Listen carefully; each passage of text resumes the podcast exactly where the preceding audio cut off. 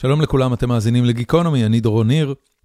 הפרק שלנו היום הוא עם עמנואל אלבז פלפס, עיתונאית, היום עיתונאית עצמאית, לא ידעתי את זה, אבל גיליתי את זה במהלך הקלטת הפרק, ובשנים עברו ראיתי אותה בשלל מקומות, גם בערוץ 2, גם בערוצים אחרים.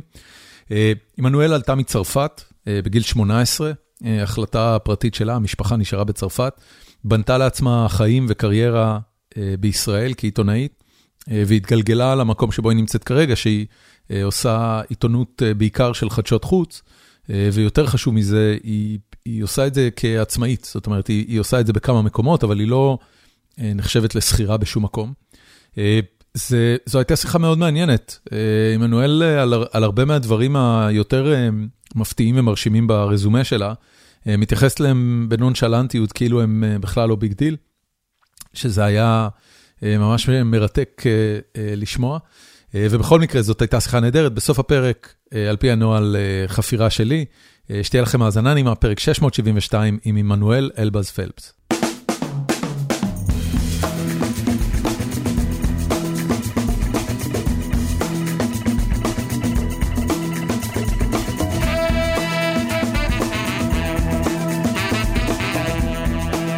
בסדר גמור, תודה. תגידי, איך אתה? אני ממש בסדר. אני, אני רוצה לשאול אותך שאלה, בגלל שאני ישראלי שחי בחו"ל, אז יש לי רוטינת בוקר. אני קם, אני פותח טוויטר, אני ישר רואה את כל ה...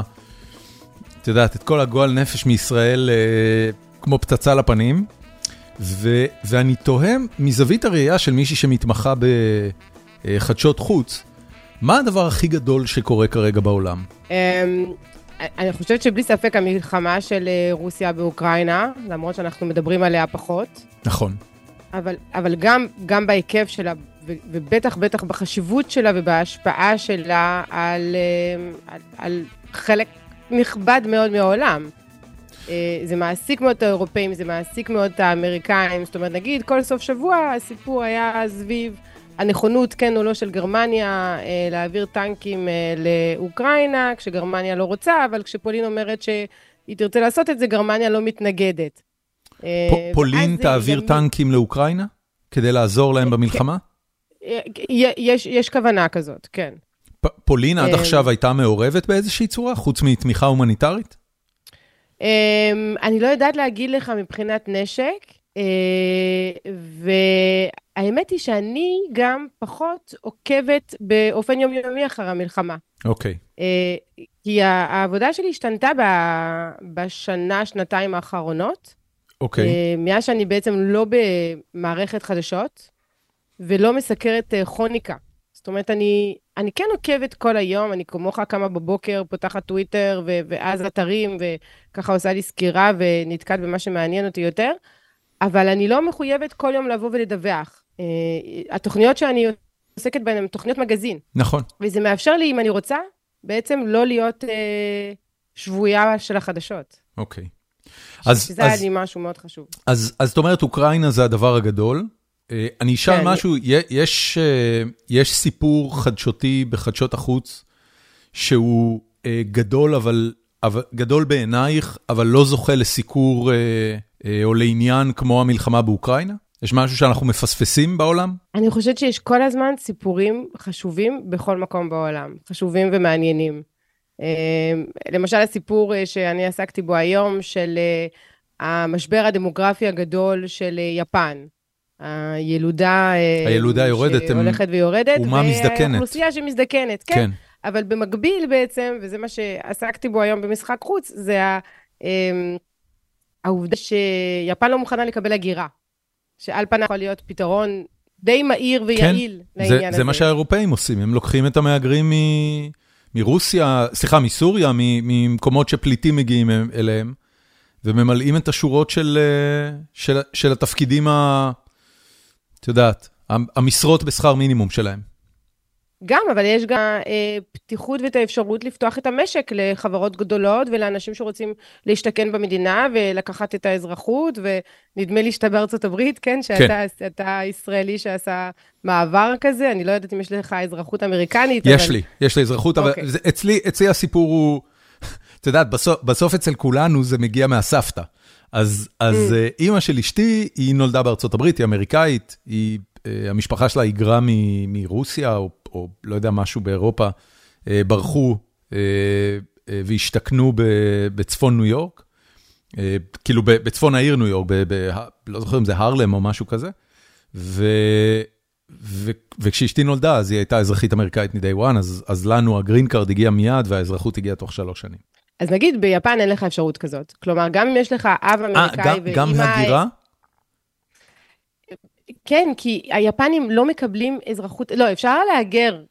לא, סליחה, לא, לא התכוונתי למילה הגירה, התכוונתי למילה נישואים. אם, אם יפנית מתחתנת עם אפשר. אמריקאי, הוא יקבל אזרחות יפנית? אה, אה, אפשר, את זה אני לא יודעת, אבל מה שכן, אני יודעת שהילדים שלהם, בגיל 21, אה, יצטרכו לבחור האם הם אמריקאים או יפנים.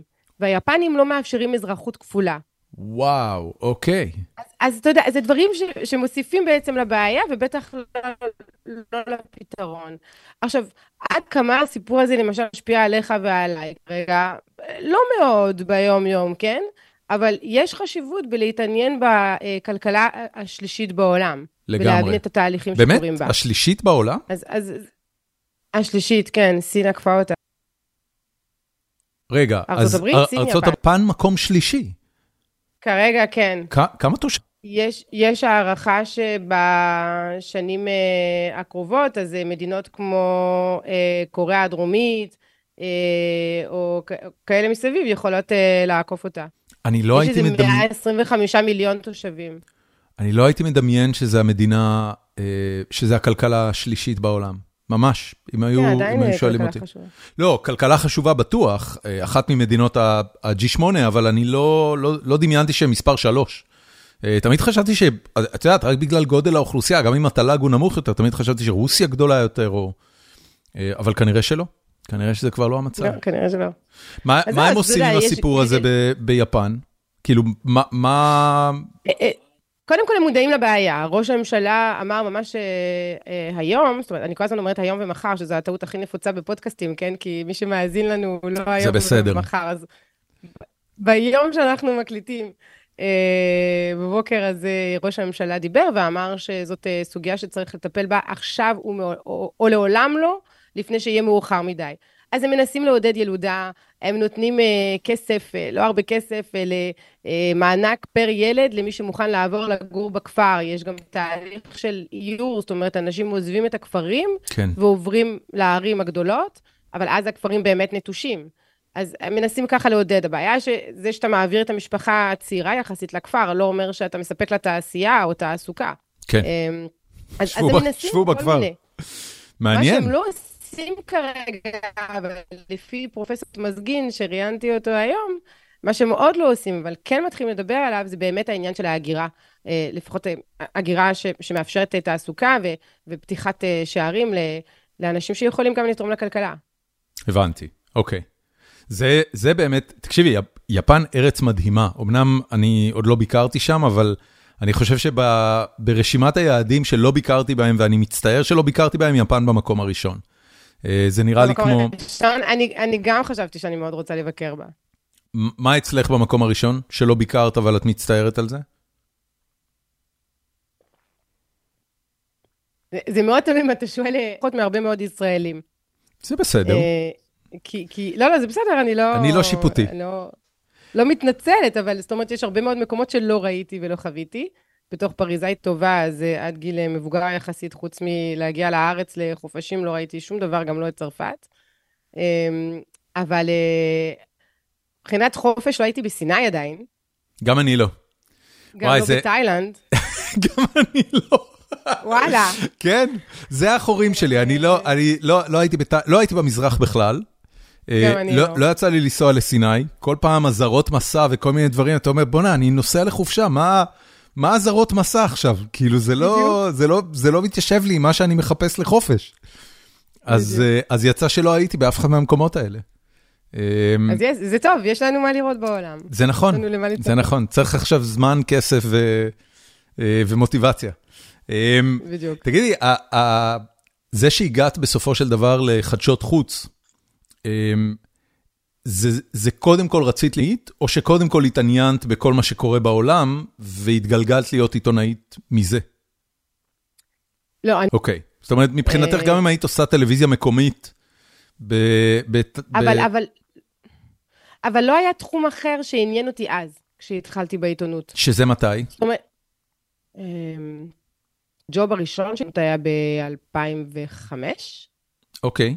בג'רוזלם פוסט. אה, שזה עוד לא היה חדשות חוץ. שזה כבר בישראל, זה חמש שנים אחרי שעלית לארץ.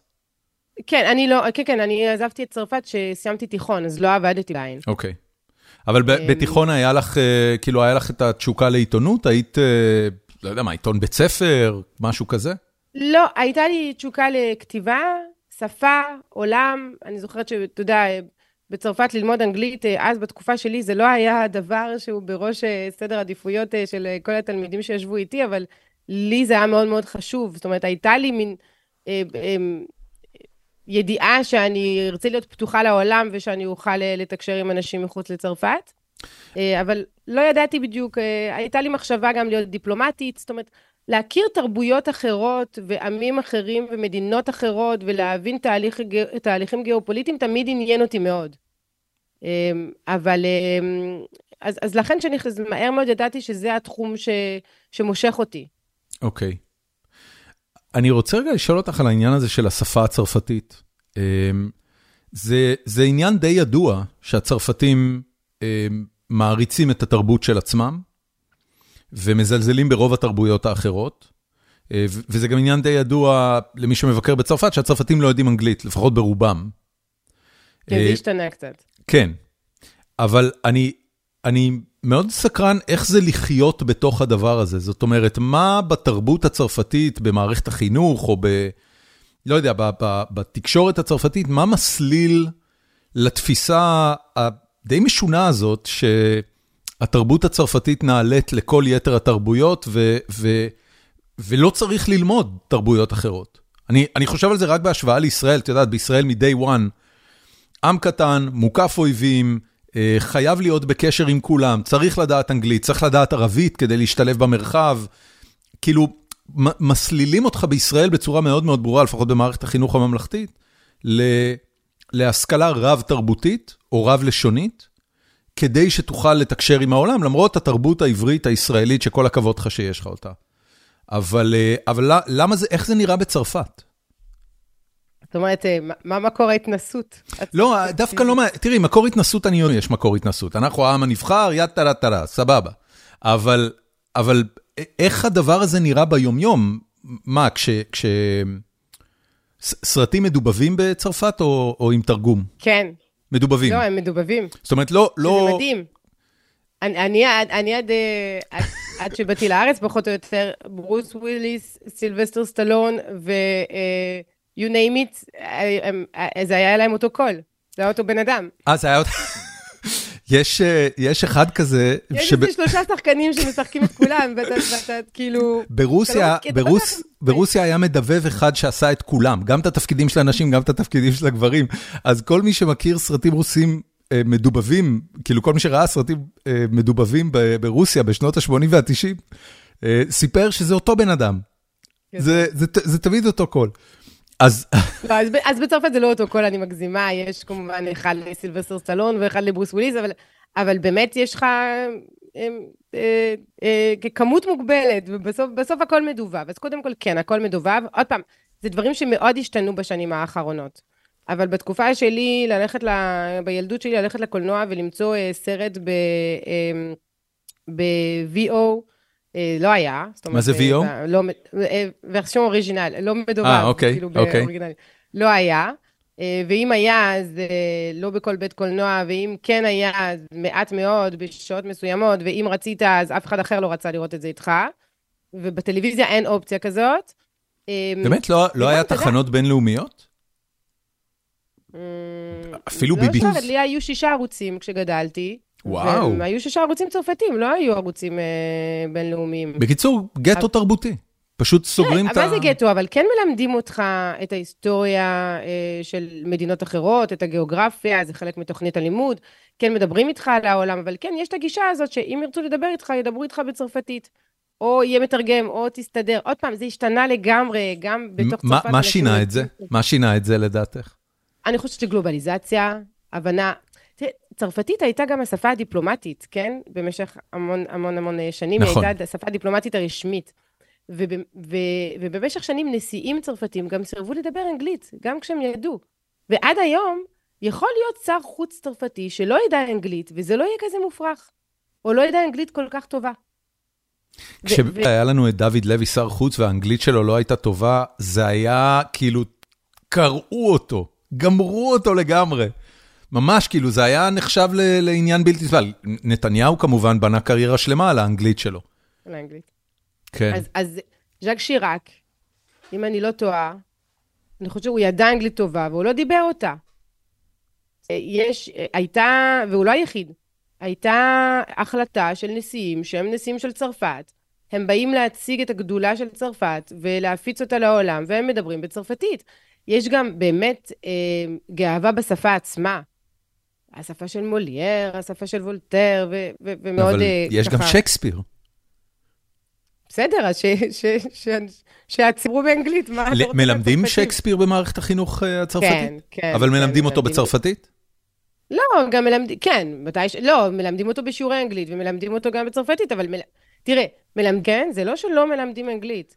אה, ו- ו- ובאמת אין, הגישה היא לא להיסגר, אבל כן, יש תחושה של מעצמה, שקודם כל צריכה להכיר את עצמה, ואחרי זה להיפתח לעולם. אבל הצרפתים היום, באמת, זה... אני חושבת שהגלובליזציה עשתה את זה לכולם, האינט... הרשתות. אנשים יוצאים החוצה. כן. לומדים אה, רחוק ו- ו- ולומדים שפות. זה מאוד נדיר אה, למצוא אה, צרפתי היום אה, משכיל, בגרות, תואר ראשון, שלא יודע אנגלית. כן, אני כן, לא, זאת אומרת, אנשים רוצים לעבוד, הם יודעים אנגלית, כן? אין פה... לא מאוד מאוד טובה, לי יש חברים שהאנגלית שלהם לא משהו. בסדר, הכל בסדר. אני, אני, אני מכיר חוקרים באקדמיה שהם אה, חוקרים אה, ברמה בינלאומית שהאנגלית שלהם היא לא מדהימה, הכל בסדר. אמ, תספרי לי קצת על ההחלטה לעלות לארץ. כאילו בגיל זה, זה, זה לא טריוויאלי. אני חושבת שזה הגיל הקל, כאילו 17 וחצי כזה, זאת אומרת, אני בסוף תיכון, אני בכל מקרה צריכה- צריכה להתחיל מסגרת מחדש, כן? אוקיי, אתה מסיים תיכון, אתה צריך להיכנס לאוניברסיטה בצרפת, אז אתה כבר לא בעיר שלך, גד- גדלתי בעיירה יחסית קטנה, אז אתה בכל מקרה בונה לעצמך חיים חדשים לגמרי, אז אני חושבת שזה זה שלב בחיים שהוא יחסית קל לעשות את המעבר הזה. זה לא לבוא עם משפחה ושלושה ילדים, מה שאנשים עושים, ואת זה אני חושבת מאוד קשה לעשות. אמ, זה גם לא להגיע כשאתה ילד בן עשר, שפתאום זורקים אותך לבית ספר ואתה צריך ללמוד את השפה ולרכוש חברים חדשים. אז ככה שמהבחינה הזאת, נראה לי או, או סופט, או אה, כשאתה פנסיונר ואתה פחות צריך לדאוג לתעסוקה, אלה שלבים שהם אה, יותר קלים אה, לעשות עלייה. וגם צריך לומר בכנות, שמדינת ישראל היא, היא מדינה מחבקת. כלומר, יש ויכוח בין עולים עד כמה היא מחבקת, אבל בסוף, בסוף, בסוף, אף אחד לא חיכה לי. ואני מגיעה למדינת ישראל, ואני מקבלת אה, אה, מענק אה, של אה, עולה חדשה וסיוע בלימודים. זאת אומרת, אני לא מכירה הרבה מדינות שייתנו לך כסף כשאתה מגיע כדי לחיות בהן. אז ר- רק הזאת- בגלל שאת יהודית, יהודייה. כן, רק בגלל שאני יהודייה, ו- וזהו, ברור שהמצב הוא אחר לגמרי אם, אם אתה לא יהודי. אמ, אז, אז מהבחינה הזאת זה לא מאוד קשה, מה גם שישראל היא אף פעם לא לגמרי הייתה מדינה זרה. הייתה פה משפחה מהצד של אימא, משפחה מהצד של אבא, אמנם לא בתל אביב, אה, אבל עשיתי את הבחירה לגור בתל אביב. כלומר, זה לא שאני מגיעה למקום אה, לגמרי ללא נודע ואני לבד לחלוטין. ההחלטה עצמה הגיעה הרבה לפני. אה, אני יכול לתאר לעצמי. אני בכנות לא יודעת עד הסוף להגיד לך מה הייתה ההחלטה. ההחלטה הייתה לגור בישראל. אני חושבת שבמובן הטהור של המילה הזאת, ציונות. אה, אני הרבה פעמים אומרת אה, ים ושמש, כי זו הדרך הכי טובה שלי להסביר את זה. ים- למרות שצרפת, יש לה חופים מהממים. כן, אבל זה מחוץ לפריז, זה כן. ברור שיכולתי לגור איפשהו בצרפת. אני גם לא יודעת להסביר למה אני, מבין, אנחנו ארבעה אחים, למה רק אני רציתי לעלות לארץ. אה, ו- ועכשיו, 15 שנה אחר כך, גם ההורים שלי עלו, וגם אח שלי הגדול.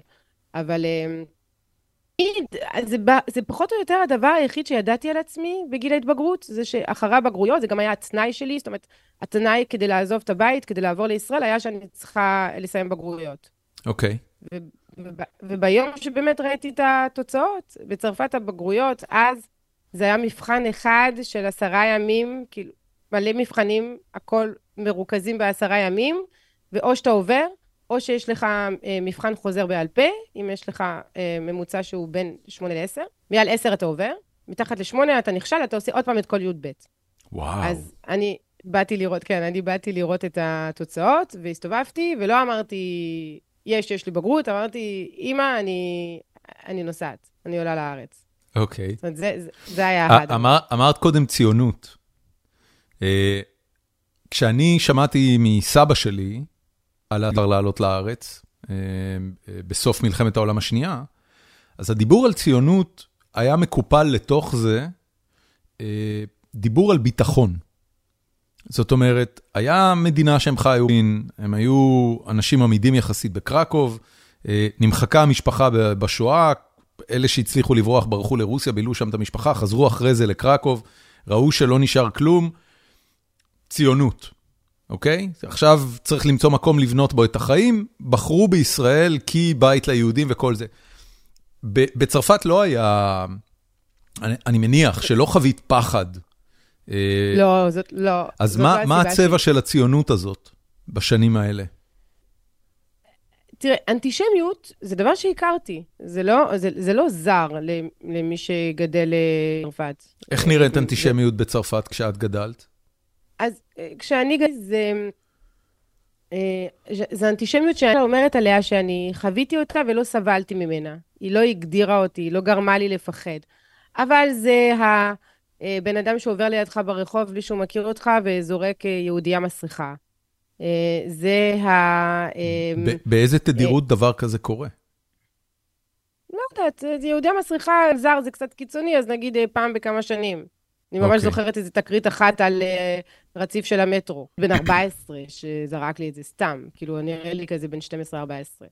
אה, זה, uh, אני זוכרת אירוע של uh, בית ספר יסודי, שמבחינתי היה מאוד מאוד, שהוא מאוד חרוט בזיכרון שלי, של um, אחי הגדול, שהוא שנתיים מעליי, שהוא רב עם החברים שלו, החברים הכי טובים שלו, מין קטטה כזאת של ילדים די רגילה, אבל פתאום הם כולם אותו איזה חמישה בנים, ויש מכות, מרביצים, ואז אחד צועק לו, יהודי מסריח, תחזור למדינה שלך. ואז אני זוכרת שחזרנו הביתה, ושאלנו את uh, אימא ואבא, מה זה המדינה, על מה הם דיברו? אז היא הסבירה שהמדינה שלנו זה צרפת, אבל יש מדינה אחרת שיש ליהודים זיקה למדינה הזאת, והיא ישראל, ויש לנו שם משפחה, כבר ידענו וזה, אבל לא הבנו מה לנו. אז אנטישמיות זה להסביר לאנשים, לחברים בכיתה, שאני גם צרפתייה, זאת האזרחות שלי, ואני יהודייה זה הדת, כמו שאתה יכול להיות אתאיסט או נוצרי, ולא מבינים. או זה, אה, זאת כבר לא אנטישמיות, אבל הצלצול כל שנה של החברים הכי טובים ביום כיפור, שאומרים, בואי תרדי, את באה לשחק, ואז זאת אומרת, עד איזה גיל אני אסביר לכם שזה יום כיפור היום ומה זה יום כיפור? עכשיו, זאת לא אנטישמיות, אבל זה זה גורם לך לתחושת הלא זרות, אלא אתה קצת אחר. אתה כן. מיעוט פשוט, אתה כן. קצת אחר. כן, כן. לא סבלתי מזה, זה, זה ממש לא נכנס בכלל, בכלל אצלי ל, אה, לסיבות העלייה. אוקיי. זה, זה לא משהו, מעולם לא הרגשתי שאני לא רצויה כיהודייה בצרפת. עכשיו, ב-2015, כשהיו את הפיגועים בצרפת הקשים מאוד, ו... אה, היה גל עלייה, אני, אני מניחה שאתה מדבר עם מישהו אחר שעלה בשנים האחרונות, הוא ייתן לך סיבות אחרת. אגב, כן. יכול להיות שגם באותה משפחה אנשים יצדיקו את זה אחרת. אני באופן אישי, זאת לא הסיבה בכלל.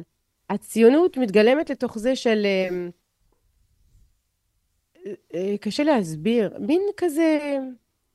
ההורים שלי, כל אחד בזמנו, וגם הם ניסו לעלות לארץ כשהם היו צעירים, לפני שאנחנו היינו. אז... זאת אומרת, ניסו לעלות לארץ. לעלות לארץ זה, כמו שאת אומרת, זה דבר די קל. אה, מדינת ישראל שמחה אמ, לקבל עולים. אז לאמא שלי הייתה, לאמא שלי הייתה חוויה של אה, שנה בקיבוץ כזה, בגיל שמונה, היא חזרה לצרפת והיא למדה, וכשהיא פגשה את אבא שלי, אמ, הם החליטו שהם אה, אולי רוצים לעלות לארץ, והם הצטרפו לאיזה גרעין שהיה אמור uh, לעלות uh, כקבוצה.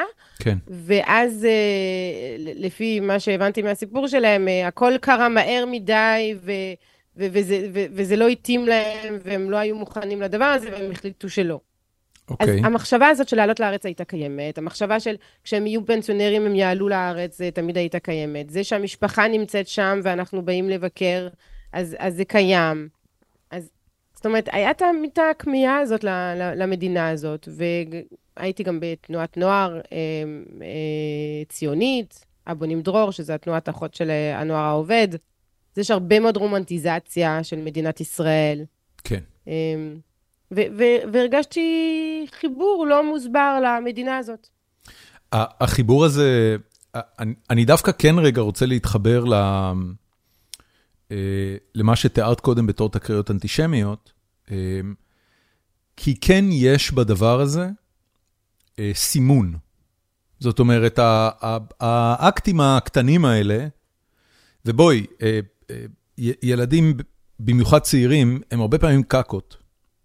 הם, אה, הם יתפשו אחר, אם זה בגלל שהוא יהודי, או אם זה בגלל שהוא שמן, או אם הוא רזה, או אם זה בגלל שהוא נמוך או גבוה, לא משנה. כאילו, ילדים רק מחפשים למה להיטפל למישהו, או למה, למה מישהו לא נורמלי ולכן צריך להתעלל בו. Uh, הרבה ילדים, אני לא, כמובן לא מכליל, יש ילדים מקסימים. Uh, הדבר הזה הוא לא מספיק כדי לייצר uh, uh, את, את הרצון להגירה. השאלה אם הדבר הזה הוא... הוא אה, גרם לך לרצות לחיות במקום שבו את תהיי המיינסטרים, הקונצנזוס, האליטה. אה, ואז את אומרת, רגע, איפה המקום הזה? ישראל. בישראל אני לא, אין, אין שום סיטואציה שאני זרה, להפך, כל האחרים הם זרים. אני ממש לא חושבת. אה, לא הרגשתי מעולם שזה לא המקום שלי. מעולם לא הרגשתי שאני לא רצויה בצרפת. זה היה חלק מהדיל. כמו שאתה אומר, יש את הילד שיקבל מכות כי הוא שמן, ויש את הילד שיגמגם, ואני מדי פעם קיבלתי הערות כי אני יהודייה. הייתי מאוד מאוד גאה ביהדות שלי. אתה יודע, הייתי באה בחטיבת ביניים, זוכרת עם חולצות של צה"ל. באמת? רגע, באיזה שנה זה? כן, צה"ל עוד היה צבא מוסרי אז, או שכבר אה, לא? כן, כן, ברור, זה היה כזה שנות ה-90, ואז היה לי אוקיי, בכיתה, גם בתיכון, בתיכון היה לי חבר, החבר הכי טוב שלי, אמ, שהיה, שהיה צועק עליי, למה את צריכה להראות לכולם? למה את צריכה זה? אמרתי לו, מה אתה רוצה? קוראים לי פרצוף שלי, לא משנה מה אני אלבש, יודעים מי אני, מה אני. עכשיו, הוא היה פיטוסי.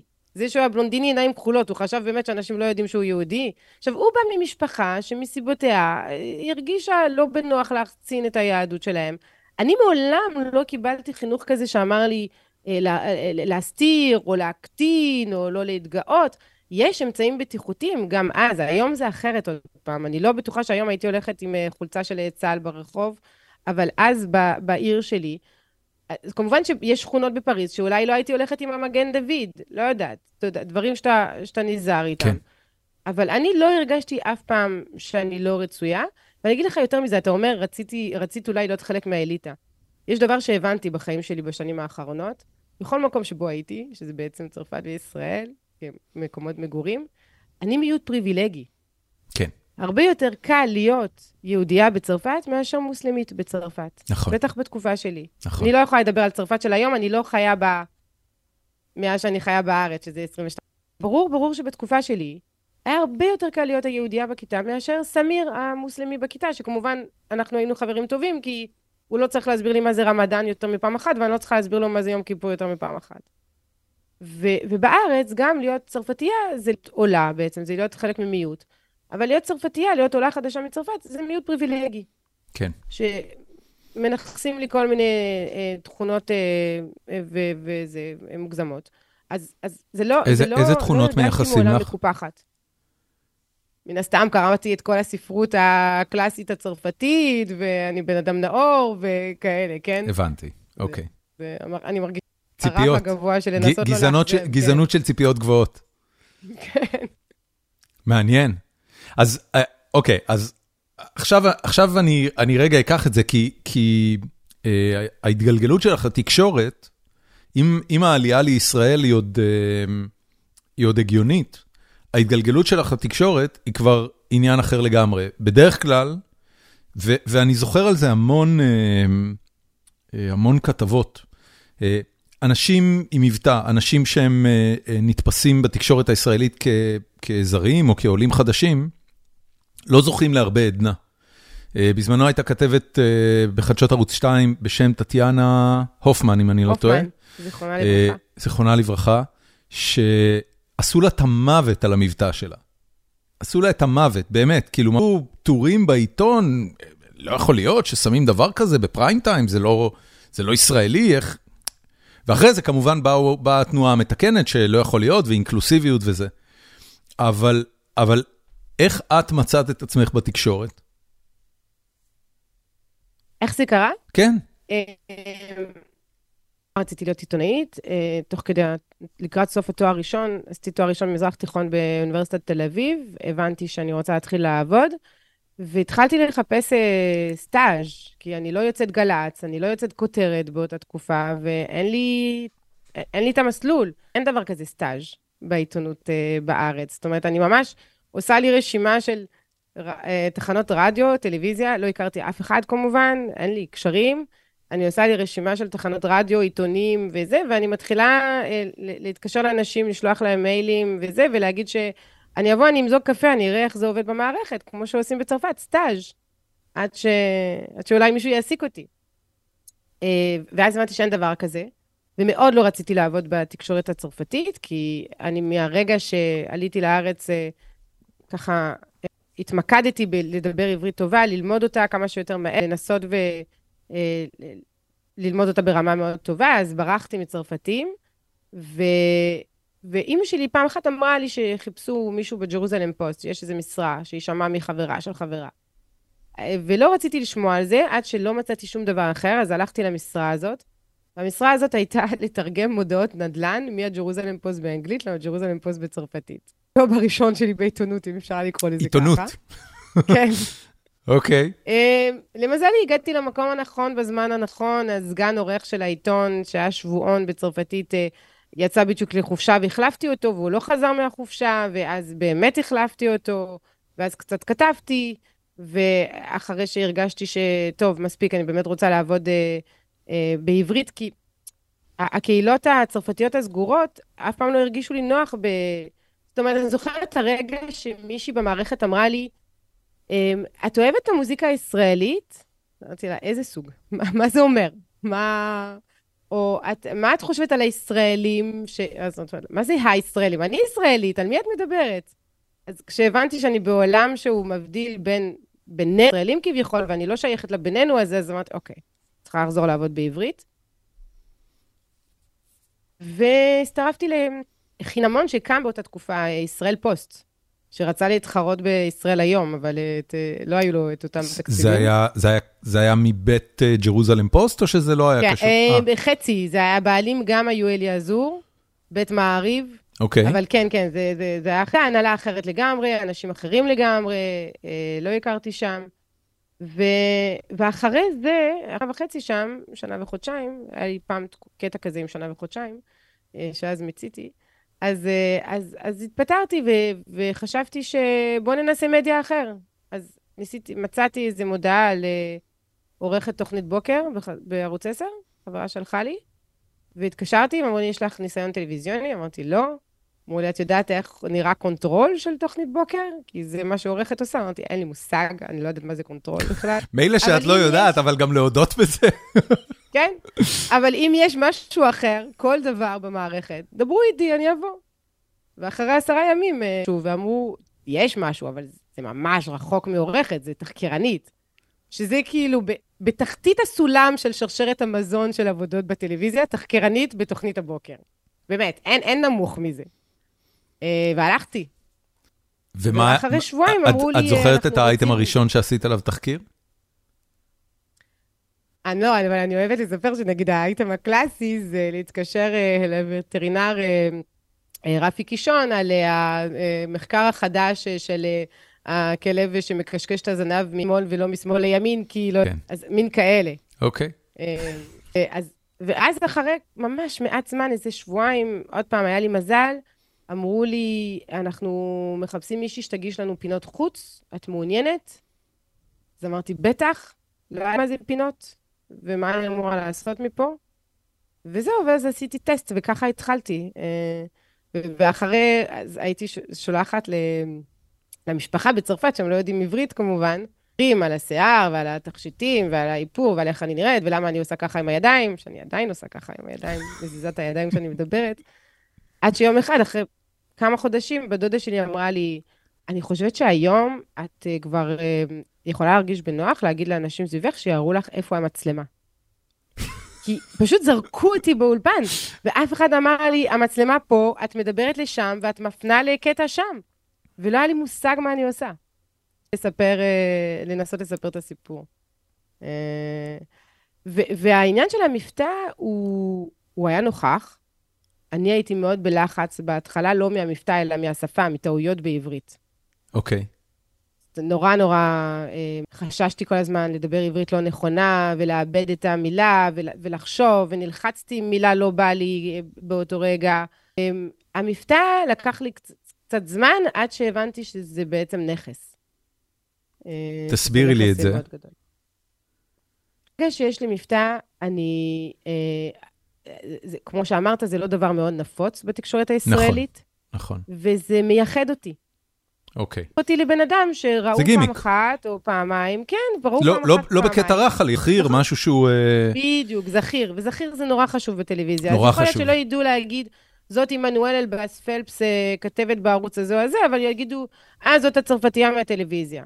ובפעם הבאה שידליקו טלוויזיה ויראו את הצרפתייה מהטלוויזיה, אז יחכו עוד שתי שניות לראות אה, אה, איך היא מדברת ככה או ככה ועל מה היא מדברת. כן. אז בהתחלה זה גימיק, ובהתחלה זה, זה, זה נחמד וזה ככה מתנגן אה, מיוחד באוזן של הצופה או של המאזין.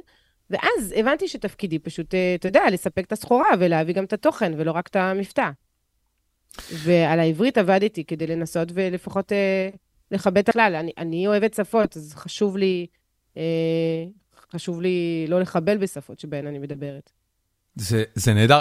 אגב, אני לא יודע. אני רוצה לספר לך משהו. הפ... הפעם הראשונה שאת פרצת לפחות לתודעה שלי הייתה באותו אייטם עם uh, אברי גלעד, ש... שהעמדת אותו במקום על השיח על, uh, על, שריפת. על השריפה בנוטרדם. ואני זוכר ש... ואני לא יודע אם, אם, אם אמרו לך את זה, או, או, או אם את תופסת את זה ככה, אבל אני זוכר שחשבתי לעצמי, שבלי להבין שעשית משהו ממש גדול, עשית אותו, ועשית אותו בפשטות. עכשיו, אנחנו מדברים כבר חצי שעה, ואת מספרת ככה על כל דבר. זאת אומרת, האקט של לעלות לארץ, האופן שבו אה, נכנסת לתקשורת, אה, הם מאוד מאוד לא טריוויאליים. הם כוללים בתוכם גם תכונות מעשים, ש... ש... כשמספרים עליהם אחר כך, הם מה שנכנס להגדרה של סיפורים מעוררי השראה. כי לא קיבלת את המציאות כמו שהיא, כי שינית אותה כדי שיהיה לך טוב יותר, כי התברגת למקומות שלא טריוויאלי שתתברגי דברים האלה. וגם עכשיו כשאת מספרת לי על זה, את לא עושה מזה עניין. עכשיו, אני, אני באמת חייב לשאול אותך, את מבינה שזה big deal או שאת לא מבינה שזה big deal?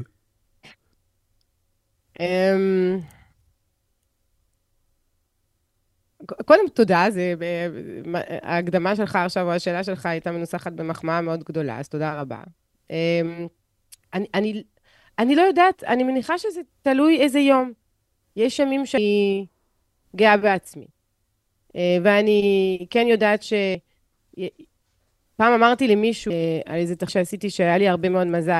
מישהו התקשר להחמיא לי, ואמרתי לו, היה לי הרבה מאוד מזל. אז הוא אמר לי, אבל מזל זה גם לדעת לתפוס אותו כשהוא בא. כן.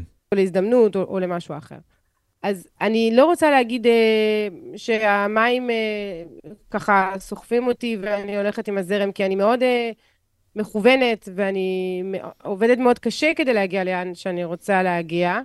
והיעד הזה כל הזמן משתנה וכל הזמן מתרחק, וזה מפיק כזה של, כנראה שזה אף פעם לא יהיה מספיק. אז, אז זה, לא, זה, לא, זה נכון שזה לא מקרי. עכשיו, האם זה כזה גדול או הירואי? לא, לא, סך הכל, אתה יודע, היו לי תנאים טובים בחיים. אמ, נולדתי עם משפחה מאוד, ברגע שאני חושבת שזה עושה 80% מהעבודה, כשאתה יודע שאתה יכול ליפול בכל רגע נתון ויתפסו אותך, גם אם זה רק בתחושה, אז, אז סך הכל, כל הסיכונים שלך מאוד מדודים. אתה, לא, אתה פחות מפחד ליפול. מה, ת, אז... תסבירי לי את התחושה הזאת, למשל... של אה, לא לפחד ליפול. כי אני, את, את, את לא אומרת את זה במילים ברורות, אבל מה שאני בעצם שומע, אה, המשפחה נתנה לי אה, תחושה מאוד חזקה של רשת ביטחון, שעל הבסיס של זה אני יכולה לעשות כל מיני דברים לא קונבנציונליים, בלי לפחד מההשלכות שלהם, בלי לפחד שזה ייקח אותי אחורה או שזה יפגע בי. אני מפחדת כל הזמן מכישלון. אני מפחדת עוד יותר מבינוניות. ואני גם תחושה, אני חיה בתחושה הזאת קודם של הרף הגבוה של הצרפתייה, אני גרה, אני חיה כל הזמן בתחושה ש, שאני לא מספיק, שאני לא מספיק טובה, שאני לא מספיק uh, יודעת, שאני לא... כן? מי כן? כל הדברים האלה. מי המודלים לחיקוי בתחום שאת עוסקת. בו? תראה, אני... אורן נהרי, מדובר באנציקלופדיה. אוקיי. Okay. אז המוח שלי הוא לא המוח שלו. נדב אייל, כל דבר שהוא קורא, לא משנה מה האורך של הטקסט, ואני ראיתי את האיש הזה, אני עבדתי אה, איתו ותחתיו שנים, כן? ו- ואנחנו אה, גם ידידים טובים, אבל ראיתי איך המוח שלו עובד. בן אדם לא משנה מה הוא יקרא, פעם אחת, הוא יזכור את זה, לעד. אני לא. אוקיי. Okay. זאת אומרת, יש, יש דברים שאני לא, לא יודעת להתחרות איתם, ולא יכולה, אבל ש, לי יש את האחרים. את ממש אומרת, זה, זה, זה, יש לו גם הרבה מאוד שנים של ניסיון חיים, אבל, אה, אבל את אומרת, יש, יש אנשים שיש להם מתנה, ואת לא רואה את עצמך בתור מישהי שיש לה את המתנה הזאת. אני חושבת שלי יש, אה, יש, אה, לי יש יכולות אחרות. למשל, אני, אני טוב, לא שלהם אין את היכולות האלה, כן? אבל אני... אנחנו גם לא צריכים לא להשוות, זה לא תחרות, יש מקום כן, לכולם. כן, זהו, אני לא עושה תחרות, בדיוק. אבל אני אומרת, לי נגיד, אני מאוד טובה באמת לספר סיפור בטלוויזיה, או לספר סיפור בכלל, אני יודעת לספר סיפורים. אני גם מאבד אינפורמציה, ללכת. בזמן יחסית עוד אינפורמציה, לחפש, לאבד את זה ולהנגיש את זה. זה אני יודעת. אני, אני יודעת, אני טובה בלשאול את השאלות הנכונות כשאני מראיינת. זאת אומרת, אני יודעת לעשות את מה שאני יודעת לעשות. לגבי אה, מה ששאלת על הרשת ביטחון והמשפחה, זה, זה לא שדחפו אותי לעשות דברים לא קונבנציונליים. לא, לא היה דיבור כזה. אנחנו משפחה מאוד uh, קלאסית. אבל הדיבור היה, א', תהיי הכי טובה בכל מה שאת עושה. זאת אומרת, אבא שלי היה איש ששם תמיד את הרף מאוד מאוד גבוה. אם, מה הוא עושה בחיים? ספר, uh, כרגע הוא פנסיונר. מה, מה הוא עשה? הם היו אני בטוח שהוא שם רף מאוד גבוה בלהיות פנסיונר ושהוא גם עומד בו. כן. אבל מה הוא עשה אה, בקריירה? הם היו, אה, היו להם, אה, הם היו אנשי עסקים, היו להם רשתות של... לא רשתות, סליחה. אם היו להם רשתות, הייתי עובדת פחות קשה. היו להם חנויות של כלי בית ומתנות לבית בצרפת. אוקיי. קיצור, איש, איש, איש של עבודה קשה. זהו, בדיוק. זה, זה, אנשים, זה אנשים של עבודה קשה. כן. גם אימא שלי כל כן, החיים כן, כן. איתו, ו, וגם כשהיא לא עבדה איתו. זה, זה בן אדם שאו שהוא עובד, או שהוא חולה או שהוא ישן, אין דבר כזה יום חופש. כן. ו- ואני הייתי כזאת שנים, שנים, שנים. פעם אחת, אני זוכרת רפי רשף, אה, אמר לי, תפסיקי לבוא לפה ביום חופש שלך. כי היית באה. אני לא אשלם לך על זה. כן, הייתי באה. אה, הוא חשב שאת באה בשביל לקבל עוד כסף? לא, הוא ידע שאני באה כדי לעבוד, אבל הוא אומר לי, די, מספיק, קחי יום. ולמה עשית את זה? הייתי עובדת שישי שבת. גם, אני חושבת, הפחד של לפספס, של לא לעשות מספיק, והייתה לי את התחושה, גדלתי, שאם אתה לא עכשיו גוסס, אין סיבה שלא תעבוד. אוקיי. Okay. אתה צריך לעבוד. אם אתה עומד על הרגליים, אתה פשוט עובד. שבוע שעבר הייתי חולה, הייתי עם שפעת, וביטלתי יומיים של עבודה. ומי שמכיר אותי יודע שזה מאוד מאוד מאוד חריג. כן. זאת אומרת, זה גרם לאנשים לדאוג לי. אה, שאני עד כדי כך חולה שאני ממש לא מגיעה לעבודה. זה פעם ראשונה ש, שזה קרה לך? שהיה יומיים לנוח? זה, זה, זה קורה, אבל זה מאוד מאוד נדיר. כן, זה, יש, זה מאוד, עם, מאוד, מאוד סביב נדיר. העניין הזה של אה, ימי מחלה, התפתחה אה, אה, תפיסה מאוד מוצדקת, אגב, מבחינה, אה, מבחינה רפואית. אה, בן אדם חולה שבא לעבודה, אה, פוגע במקום העבודה יותר מאשר מועיל לו. זאת אומרת, היומיים שלך הם נכון. כלום לעומת ארבעה אנשים שיכלו בשפעת בגלל שהבאת אותה למשרד.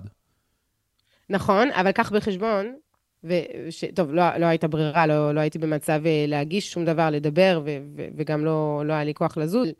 קח בחשבון שאני עצמאית, וביומיים האלה שאני לא מגיעה לעבודה, זה יום שאני לא מקליט את התוכנית, יום שאני גם, אה, לא יודע מה, ביטלתי, ביטלתי גם איזו הרצאה ו, וזה. זאת אומרת, זה, בשבילי אין ימי חופש, כן? כן. Uh, הקונספט הזה של להיות עיתונאית עצמאית, זה קונספט שהוא מאתגר כלכלית. למה החלטת? זה, זה, זה דבר גם לא טריוויאלי, כי בסופו של דבר, רק מייחלים למשכורת קבועה שתאפשר להם לעשות את העבודה העיתונאית שלהם במינימום לחצים, לחצי התפרנסות. ההחלטה ללכת ולהיות עיתונאית עצמאית היא עוד מדרגה ב... ב... ב... לא יודע, ב... בקריירה, אבל, אבל מה הערך שבזה עבורך? אה, זה היה הדרגתי, זה התחיל אותי מחדשות 13. אה, אה, כשהרגשתי באמת שיש לי מקום בטוח להיות כתבת חדשות חוץ לשנים הבאות, וזה נוח. זאת אומרת, זה היה באמת comfort zone כזה, שאני יכולה לבוא, להיות בתוכניות, לעשות כתב על המהדורה, ו... ונהיה לי משעמם נורא. והפסקתי ליהנות. כי הדרך שבה בדרך כלל, לא בכל מקום, אה, ובטח לא, אגב, בכאן 11, שהדסק חוץ אה, מרשים מאוד, אבל לא רק, אה, חדשות חוץ, הרבה פעמים זה משהו שנדחק לסוף הסדר של העורך הראשי של המהדורה. זה סוגר חורים. והיכולת גם להתעמק בנושא ו- ו- ולחקור אותו, ולא רק להביא את הכותרת שלו, היא כמעט ולא קיימת כשאתה עובד במערכת חדשות, שהיא צריכה כל יום, כל יום מהדורה ותוכניות אקטואליה משלוש עד שמונה. ואני הבנתי שהפכתי להיות אה, אשת אה, טלוויזיה, ולא עיתונאית. אוקיי. ובשלב הזה אה, הפסקתי ליהנות. יש, אז, אה, את, את יכולה לסמן את הרגע או את הסיפור שעבדת עליו, שבו הבנת את זה? היו כמה, היו הרבה, וגם היו הרבה, והיו גם סיבות אחרות שעזבתי את, ה, את הערוץ, אבל אני זוכרת, אמ, אני לא יודעת אם אתה זוכר את זה, היה, היו את הציוצים של דונלד טראמפ נגד החברות אה, הקוואד, אה, הסקוואד, אתה זוכר? את טלייב ואוקסיו קורטז. הוא, הוא, הוא, הוא צייץ אה, משהו כמו, תחזרו למדינות שלכם, משהו כזה. אוקיי. בהתקדמות משהו נגד, נגד חברות קונגרס. בתור, בתור אמריקאי... בתור מישהו שחי בארצות הברית, אה, לפחות חלק מהשנים של טראמפ בנשיאות, אה, יש, אה, הייתה לסבתא שלי את, ה, את התנועה הזאת של לשים את הידיים על העיניים ולהגיד אוי ויי. זה היה ככה כל בוקר. כל בוקר. אוי ויי. הבן אדם באמת הביא כזו בושה ל, ל, ל, ל, ללב של כל כך הרבה אמריקאים. כל רע שאנשים היו שואלים אותי, תגיד, מה עם טראמפ? אז אני אומר, תקשיבו, אני באמת מתנצל, אנחנו לא... היינו שמחים... לא, אבל למה אתה מרגיש צורך להתנצל? הרגשתי צורך... מה, משבחים אותך על ביידן? לא. קודם כל, על ביידן, על, על ביידן לפחות הוא לא, הוא לא עושה, לדעתי, לתחושתי האישית, הוא לא עושה את סוג הבושות של טראמפ. טראמפ היה בושות על מלא. אבל הכוונה היא שאנשים לא באים לשבח אותך באופן אישי, נכון? על ביידן, כן. כמו שאתה הרגשת צורך להתנצל על טראמפ. אבל, אבל תקשיבי... שב... אני עליתי לארץ אה, שלושה שבועות לפני האינתיפאדה השנייה, וכשחזרתי לצרפת, הלכתי עם חברה אה, לפגוש חברים אחרים אה, באיזה בית, לא זוכרת מה, וממש תקפו אותי, כאילו אני עוד עוברת של אריאל שרון. כן, כן, כן. זה, זה עניין מאוד טבעי. אין מה להיתמם כן. לגבי זה. בן אדם מדבר עם אמריקאי, אז, אז האמריקאי מגלם באיזושהי צורה עבורו באותו רגע את מה שהוא ראה בערב בחדשות. עכשיו, ברור שאין קשר. אמרתי, כן. אמרתי בזמנו לחברים ישראלים שלי שההשפעה אמ, של טראמפ על החיים בקליפורניה היא יותר קטנה מההשפעה של טראמפ על החיים בישראל. טראמפ המ. יכול לשנות את המציאות בישראל בצורה דרמטית, בקליפורניה הוא לא יכול לעשות כלום. זה מדינה, יש לה מושל, יש לה מערכת ממשל עצמית. הוא, הוא יכול לנסות לעשות כל מיני דברים, אבל יבעטו לו בתחת. אמ, לא משנה, סליחה, קטעתי אותך, אז, בואי, בואי נחזור לציוצים המטונפים של טראמפ. אז היה לו ציוץ מאוד גזעני נגד אה, חברות אה, קונגרס אה, מוסלמיות. אוקיי. Okay. וכשאני ראיתי את זה, והוא היה נשיא כבר, וכשאני ראיתי את זה, אני זוכרת שקפצתי, הייתי בדסק חוץ של חדשות 10, ואמרתי, חייבים לעשות על זה כתבה, אתם לא מבינים. אותי לא יכול להתבטא ככה, זה, זה, זה מופע גזענות ש, שלא היה כמותו. שבוע שלם ניסיתי uh, שמישהו יבוא לסיפור הזה, וזה לא נכנס למהדורה. ואז הגיע יום חמישי, אמרו לי, בסדר, תעשי על זה כתבה. עשיתי כתבה, אמרתי, אוקיי, סוף סוף ניצחתי את השבוע הזה, והכתבה נפלה, לא שודרה. אוקיי. כי נכנס משהו אחר. כן. זאת אומרת, לא כי אנשים במערכת לא סמכו עליי, או האורחים שלי לא סמכו עליי, שאני יודעת לזהות את הסיפור הנכון, כי חדשות חוץ הפך להיות משהו שממלא מקשי וסוגר חורים כשיש צורך כזה. אני הבנתי שברגע הזה אין לי מה. את חושבת שזה חדשות, או שזה פשוט אה, העניין הזה שאנחנו חיים בתקופה יחסית מוזרה שבה התבטאויות של מנהיגים, גם ברמה הגלובלית, התבטאויות, לא מעשים, אה, הן לא חדשות. הן לא חדשות. אה, הדוגמה הזאת זה בהחלט היה חדשות חוץ. זאת אומרת, אה, זו דוגמה אחת מיני רבות, כן? אוקיי. Okay. הייתה תקופה בחדשות 10 שאפשר היה באמת לפרוח עם חדשות חוץ ולתת לזה הרבה מקום, כשהיה את התוכנית של רפי רשף, וכשהיה גם כמובן את התוכנית של לונדון and קירשנבום, כן, עם מוטי, הם, הם נתנו לזה הרבה במה. שנפטר בלי מוטי. כן. נכון. אז בתוכניות האלה, אני הרגשתי שלא נורא אם אין לי כתבה במהדורה, אם אני לא יושבת במהדורה, זה ממש לא חשוב לי, כי אני, הנה, הבאתי איזה שלושה סיפורים שונים לרפי, ובשש אני יכולה לשבת אצל, מול ירון לונדון, ולה, ולהתעמק בעוד איזה סוגיה, אה, אה, ככה ש, שאני חושבת שכדאי להביא, שהם חושבים שכדאי להביא, אבל, זאת אומרת, היה לי שם מקום באמת ליהנות מהתחום שלי. אה, ברגע שהחדשות 10 הפך להיות אה, חדשות 13 והיה את המיזוג עם רשת, ושגם ירון לונדון, התוכנית שלו כבר לא הייתה, וגם רפי עבר לקשת, אז נשארתי עם הפלטפורמה של המהדורה. ו... וזה כבר לא סיפק אותי. כן. ושאר התוכניות שרצו חדשות חוץ, זה באמת היו דברים בדרך כלל מאוד כלילים, מאוד uh, לפעמים uh, צהובים. אני הרבה פחות מתחברת לקליל, כלומר, אני כצרכנית אוהבת את, את הקליל. ראיתי פליקס על uh, הרי ומגן, uh, שזה היה בזבוז זמן נוראי, אפשר לעשות הכל בפרק וחצי, תודה רבה. אמ, אבל, אבל, אבל כ, כעיתונאית, זה לא מעניין אותי לדווח על זה, בכלל לא. אז, אמ, אז, אז, אז ההחלטה של לעזוב את 13 הייתה חלק זה, חלק דברים אחרים בתוך הערוץ, אה, אבל בגדול, לא, לא היה לי כיף לקום לעבודה בבוקר כבר. כן. בשלב מסוים. כשאני מגיעה למקום שלי, שלא כיף לי לקום בבוקר, אז אני עושה שינוי. יפה מאוד. אה, אני, אני באמת, והבגרות וה, וה, הייתה הפעם בזה שלא קמתי והלכתי ביום שהבנתי שאני לא רוצה יותר להיות בעבודה הזאת, אלא דאגתי קודם לחפש עבודה אחרת ולעשות את זה בצורה מסודרת. זה דרש ממני הרבה כוחות, אני בן אדם מאוד אימפולסיבי. כן? אה, כן. היו התפטרויות קודמות שהיו אימפולסיביות?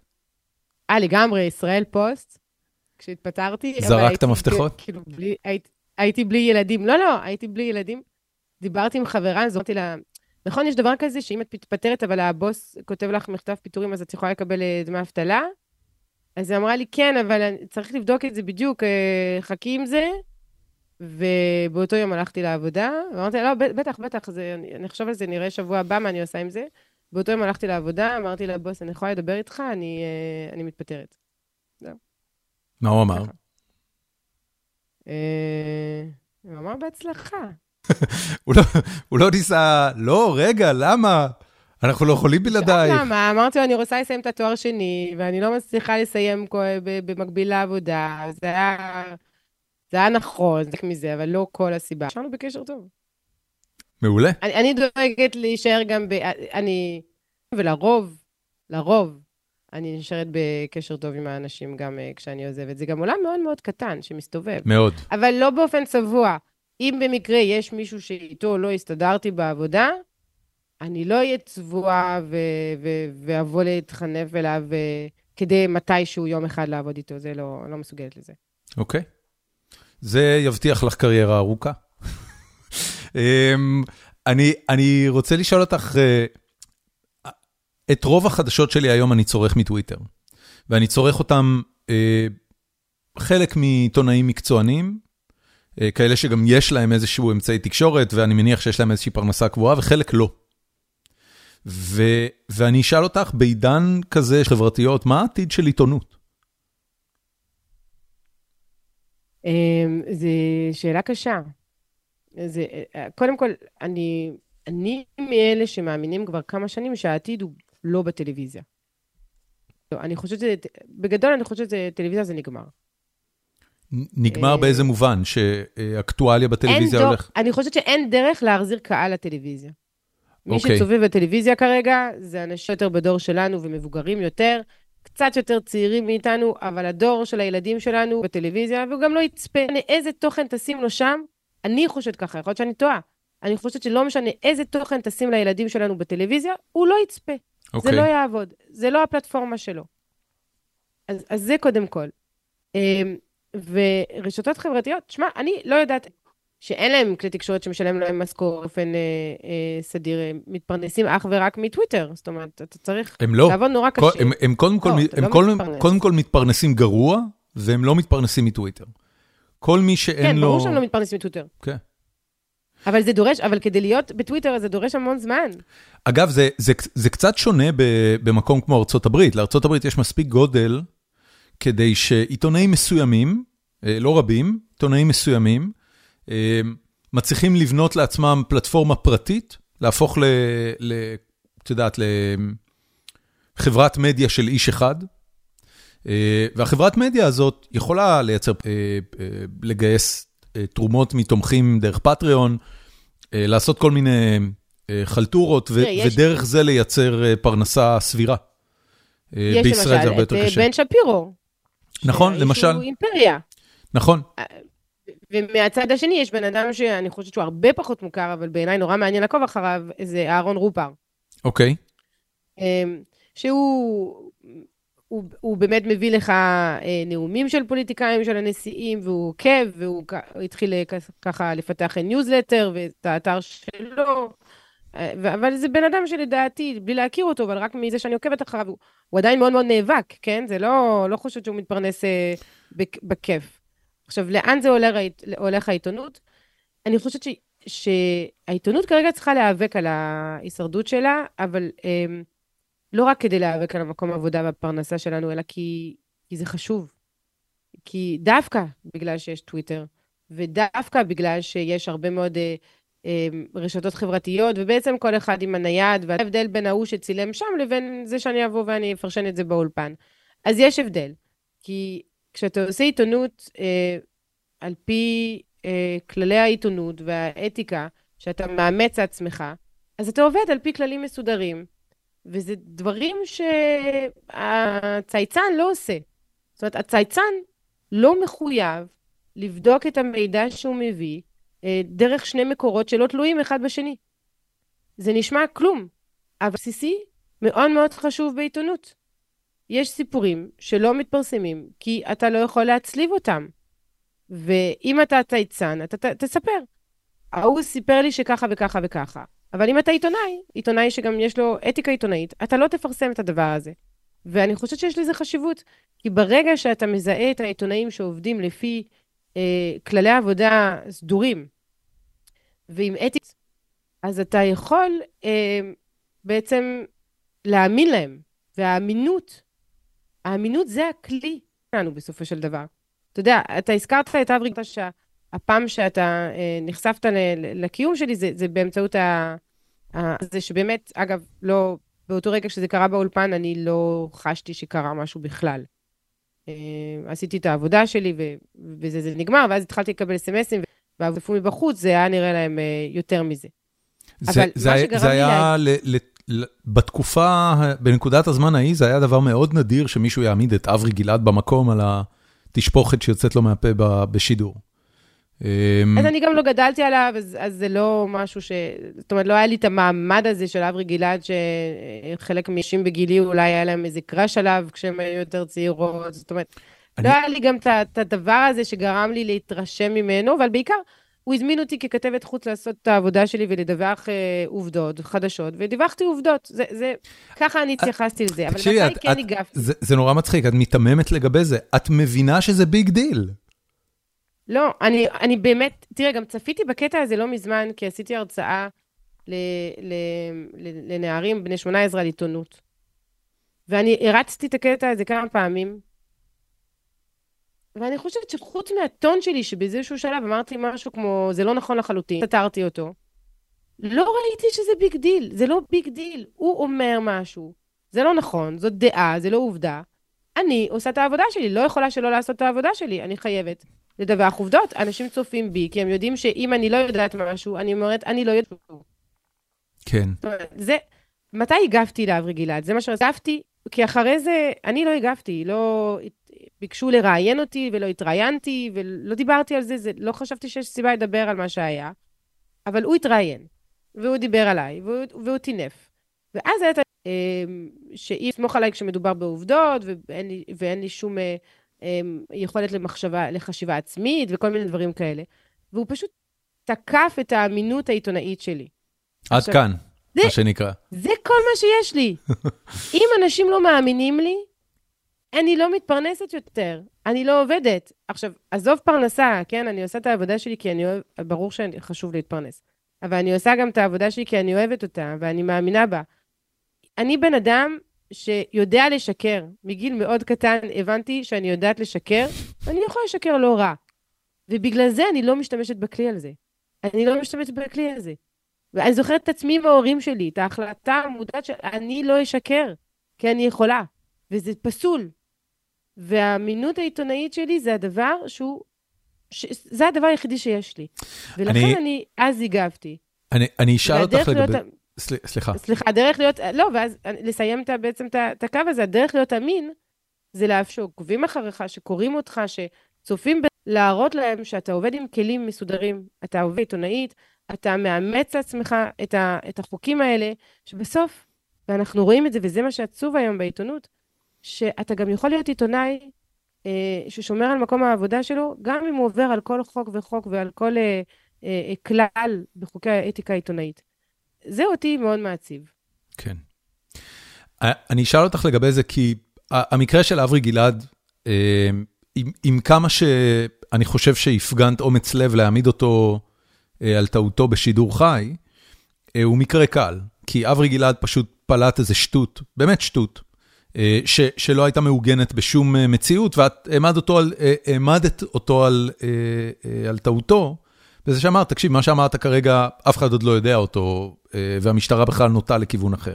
אבל יש הרבה סיפורים שקשורים לחדשות חוץ שהם נרטיביים. נכון. הסיפור של המלחמה באוקראינה, אני בתור בן אדם שמתנגד למלחמה באשר היא, אה, רואה בה דבר רע. אבל המלחמה באוקראינה יש לה גם מצדדים. לא רק ברוסיה, אלא גם במקומות אחרים בעולם, שטוענים, תקשיבו, רוסיה אה, עושה את מה שמותר לה לעשות, גם מדינת ישראל כנראה הייתה עושה את אותו דבר במקום רוסיה. ו, וזה כבר נקודה של נרטיבים.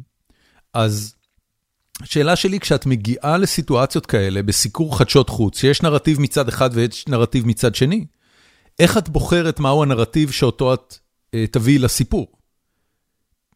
אז אה, היית שואל אותי את השאלה לפני כמה שנים, אני לא יודעת כמה הייתי יודעת לענות עליה, או אפילו מבינה אותה עד הסוף. אבל קרה לי אה, משהו די מדהים בשנים האחרונות, זה שהצטרפתי לתוכנית של גיא זוהר מהצד השני. כן. אני עדיין מופיע שם ועושה טורים שאני כבר לא חלק מצוות הכותבים. אבל הייתי חלק מהמערכת במשך uh, כמעט שנתיים. זה שינה לגמרי את התפיסה שלי uh, לגבי עיתונות, ואיך עושים אותה ואיך אני רוצה לעשות אותה. וזה באמת uh, גרם לי להיות מודעת לכל המילים הגדולות האלה, נרטיב, קונספציה, פוזיציה, ומה אני עושה עם כל זה. אז אני אגיד ככה, אין חדשות אובייקטיביות, אה, וכל דבר הוא בעצם נרטיב, וגם בזה, בסיפור אפשר לספר. זאת אומרת, אפילו בזה שאתה בוחר עכשיו להתמקד במלחמה של רוסיה באוקראינה, ולא במלחמה באתיופיה או במלחמה בתימן, יש, יש בחירה שלך, שהיא לא אובייקטיבית.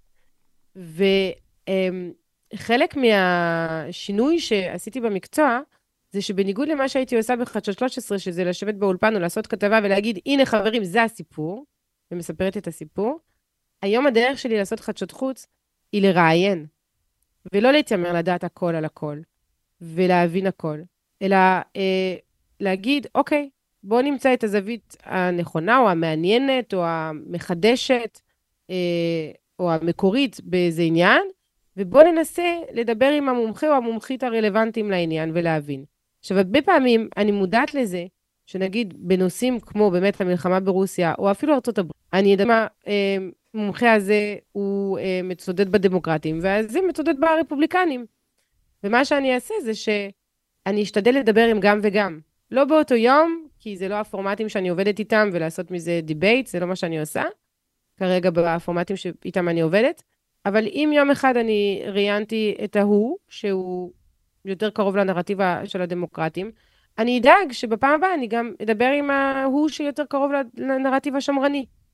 אה, כדי, ואני משתדלת, אה, כשיש נרטיב ברור, אז להיות אה, מודעת ולהציג אותו. עכשיו, לגבי המלחמה של רוסיה באוקראינה, אתה יודע, אתה גם בא, אחד מאיתנו הוא לא דף חלק.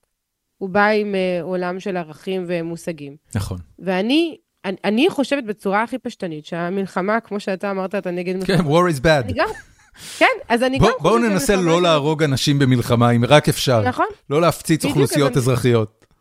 נכון, אז אני גם חושבת ששלום עולמי זה דבר נהדר, והמלחמה של רוסיה באוקראינה זה דבר נורא. יש אני מק... גם חושבת. יש מקום שבו הנרטיב הוא קצת יותר אה, אה, מאתגר מבחינתך? כי הוא קל. מתים שם המוני אנשים, אזרחים וילדים, אפילו, אפילו חלק מהחיילים הרוסים שהולכים לקרב הזה, לקרבות האלה, לא באמת רוצים להיות שם, אה, או לפחות, כן. או לפחות זה מה שעולה מאזורים מסוימים בתקשורת. לא, אה, זה גם קל, כי כשפוטין אומר לך שזה מבצע צבאי ולא מלחמה, כן. ושזה כדי לנקות את אה, אוקראינה מנאצים, כן, אז כן, כן. בוא, כאילו, זה... של... מבצע ו- של... ו- שלום אוקראינה. ובסוף יש גם באמת תקיפה של אה, מדינה ריבונית ו- ואימפריאליזם, ו- אוקיי, זה, זה באמת, זה, כמו שאתה אומר, זה, זה יחסית קל, קל, יחסית קל. נכון. יש את הצד השני, אבל יש יחסית קל. איפה, איפה נתקלת במשהו שהיה ממש מאתגר, שאת אומרת, אוקיי, אני, אני באמת לא יודעת מהו הנרטיב הנכון. אז פעם עשיתי אייטם על המלחמה באתיופיה, במשחק חוץ. אוקיי. Okay. ועשיתי את זה עם, אה, עם חוקר מצוין שחוקר את העניין. א', הרגשתי מאוד לא נוח ששנינו אנשים לבנים באולפן, ומדברים על זה. שני אנשים אה, לבנים. מדברים על, על מלחמה... על בין, מלחמה באתיופיה. בין שחורים ש... באתיופיה. כן, שיש גם הרבה מאוד אנשים שנמצאים בישראל, ושיש להם uh, קרובים שם, ושהם מכירים את המקום מקרוב. ואני בסוף לא באמת מכירה את היסודות של הסכסוך ואת המורכבויות של המדינה. הרגשת לא נעים אחרי שהאייטם, או שכבר כשניגשת לאייטם היית מודעת הזה? לפני, כשניגשתי לאייטם ולא מצאתי מומחה אחר. וניסיתם למצוא, הרי יש אה, כן. אתיופים בעיתונות הישראלית. כן, כן, אבל במשחק חוץ, אה, הפורמט הוא שאני בדרך כלל, ב-99% מהזמן, מראיינת חוקרים, חוקרות אקדמאים. אה, ושם לא מצאתי. ופחות, פחות, נגיד, בני משפחה, או אנשים שבאמת מעורבים עם, הש, עם הסוגיה, או, אתה יודע, אז, אז, אז לא מצא, וגם פחות עיתונאים. קורה, אבל זה נדיר. אז לא מצאתי. אז הרגשתי קצת לא בנוח לפני, אבל, אבל בעיקר, זה באמת סכסוך שאני לא מכירה טוב. כן. אה, ש, שאני בטח לא מכירה טוב את השורשים שלו, לא מספיק טוב את השורשים שלו. ו, ואחרי זה העירו לי גם. אה, מישהו ניגש אה, אליי. העירו לך על העניין של צבע העור או על חוסר הידע? לא, לא, לא. על זה שבעצם הצגנו נרד שמאמץ צד אחד של הסיפור, והוא עושה עוול לצד השני. אוקיי. ומישהו שבעצם יותר מזהה את עצמו עם הצד השני, בא והעיר לי על כך. ואני חושבת שבמקומות שבעצם התרבויות יותר זרות לי, מכל מיני בחינות, גם שפות וגם אה, תרבות, ושאני פחות מבינה את, את המנגנון, אז, אז אה, שם יותר קשה, א', להכיר את הנרטיב, להיות מודע לו, וגם לדעת לפרק אותו, לפחות להציג אותו. מתוך, אה, מתוך הניסיון שלך, איך היית מטפלת בזה אחרת היום? אמ, קודם כל, לוקחת יותר זמן ללמוד את הנושא, לפני שאני ניגשת אליו. אוקיי. Okay. וללמוד את הנושא יותר טוב, ומחפשת באמת אה, אה, אה, מומחים אחרים. אני עוד לא חזרתי לנושא מהטעמים האלה, שעוד לא, לא עשיתי את השיעורי בית שלי. אוקיי. אמ, ואתה יודע, היום נגיד טיפלתי בהודו, ובלאומיות ההודית. והנרטיבים השונים של מצד אחד מודי, שרוצה לאומיות אחידה, עם שפה אחת דומיננטית ועם דת אחת, ומצד שני, מפלגת הקונגרס, שדוגלת בפלורליזם ובריבוי שפות וריבוי דתות. אז, אז הפעם עשיתי שיעורי בית, והייתה חוקרת מצוינת, ואני חושבת שהצלחנו להציג את, את שני הצדדים אצל החוקר, או אפילו אצלי או אצל החוקרת, או אצל האקדמאי, את ה... את סנטימנט שלו, למה הוא מתחבר יותר, או למי הוא מתחבר יותר, זה בסדר. זה בסדר לזהות את הפוזיציה של הבן אדם. כן. אבל שלפחות כשהוא מציג לך את הדברים, אתה יודע שאתה מקבל אה, מלאה או סוג של אה, גילוי נאות. זאת אומרת, אתה יודע מה אתה לא מקבל גם כן. כן. אה, עמנואל, יש לנו, לפודקאסט הזה יש אה, קבוצת פייסבוק, שנקראת אה, פורום החיים עצמם של גיקונומי, ופרסמתי שלשום שאת הולכת להתארח. והצעתי למאזינים, כמו שאנחנו עושים בכל פרק, לשאול שאלות אותך. אז יש כמה שאלות. קודם כל, המון פרגון, מקצה לקצה. אהבה והערכה, ואני גם אקריא לך חלק מההודעות. אבל נתחיל. איליה צ'רניאקוב, אני מקווה שאני הוגה את זה נכון. אה, תמיד רציתי לשאול איך זה מרגיש כשיש אירוע כלשהו וכולם יודעים עליו, אה, כאילו בטלגרם, אבל יצא צו איסור פרסום ואסור לדווח עליו. איך, איך את מתמודדת פח... עם התסכול של איסור פרסום? זה קצת פחות קורה בתחומים שלי, זה בדרך כלל בתחומים אה, ביטחוניים וצבא, או אפילו פליליים, קצת פחות בחדשות חוץ. אה, אני חושבת שבעידן שלנו זה מגוחך, אה, וזה, זאת אומרת, כמו שאתה אומר, כמו שאיליה אומר, באמת כולם יודעים הכל, אבל אין מה לעשות, כרגע זה. כרגע זה החוק. ישראל מהבחינה הזאת היא מדינה שיש בה יותר צווי איסור פרסום ממדינות אחרות, או שאנחנו לא חריגים כמדינה מערבית? אני לא יודעת להגיד לך על כל מדינה, אבל אני, אני חושבת שכן. אני, אני לא מכירה הרבה... אה, כן, אני לא מכירה הרבה מצבים, לפחות אני מנסה עכשיו נגיד על צרפת, אני לא מכירה מצבים כאלה. אוקיי. מה שלא אה, מפרסמים, לא מפרסמים, נקודה. אילן שוורצמן, סליחה, אורן לוי, קודם כל כותב חוץ לארץ פודקאסט מעולה, זה הפודקאסט שלך, ב... נכון? כן, אבל זה לא רק שלי, אני חייבת, סליחה אם כבר תודה רבה, בטח, בטח, בטח. לצוות. העורך שלף פרידמן, המפיק אמיר פקטור, ועורך תוכן אברי רוזנצבי. זה באמת, אני מפרגנת להם, אה, לא רק כי אני נחמדה, אני לא בן אדם כזה נחמד, אבל אה, זה באמת, באמת, באמת עבודת צוות. יפה. אה, אז אורן לוי שואל, מאיפה הנושאים לפרקים, וגם האם יש עיתונאים שאת מקוב אחריהם בטוויטר? אז עיתונאים כן, אבל ישראלים, טוב, די, נראה לי שלא צריך את ההמלצות שלי. בעולם, אני לא, אני, אני, אני לא יודעת להגיד שמות עכשיו, כי אני פשוט עוצרת כל פעם שאני רואה מישהו שמצייץ משהו שמתחילה לעקוב. זאת אומרת, תלוי בנושא, לפעמים אני אפילו לא זוכרת למה. אבל אה, אה, אני עוקבת אחרי כמה שיותר. אה, אם רוצים, אגב, אה, חדשות חוץ אה, טובות בארץ, הייתי עוקבת אחרי יואב זהבי. כתב אה, חדשות החוץ של כאן 11. אוקיי. Okay. מאוד ממליצה על יואב זהבי. ואיך מוצ... אנחנו מוצאים את הנושאים? אנחנו קוראים הרבה, זאת אומרת, קמים בבוקר ו... ו... ועוברים כל היום על עיתונים מכל העולם, ועוברים ומאזינים לפודקאסטים, ואז כל פעם שמישהו רואה משהו מעניין שיש בו סיפור שאפשר לספר אותו, ושאולי יש לו עוגן חדשותי, אבל אפשר אה, לקחת את זה למקום יותר מעניין ממה שככה מדווח אה, אה, בכותרות, אז אנחנו עושים, מתחילים אה, להציע אחד לשני, אה, בדרך כלל אסף, העורך ואני עושים את הפינג פונג הזה, ואז אה, מחליטים ללכת על זה. מהמם. אה, אילן שוורצמן שואל, uh, כשמסקרים חדשות חוץ, מה השיקולים שמכתיבים איזה תוכן ייכנס? האם זה עניין, השפעה, קשר לישראל? חוץ מזה, אני מאוד מעריך את העבודה בכאן ובארץ. Mm, תודה רבה. אז זה מאוד תלוי איפה אתה עושה חדשות חוץ. אני אגיד, בהקשרים שלי, של באמת חוץ לארץ ומשחק חוץ בערוץ הכנסת. אז מה שאמרתי, זה מה שמעניין אותנו.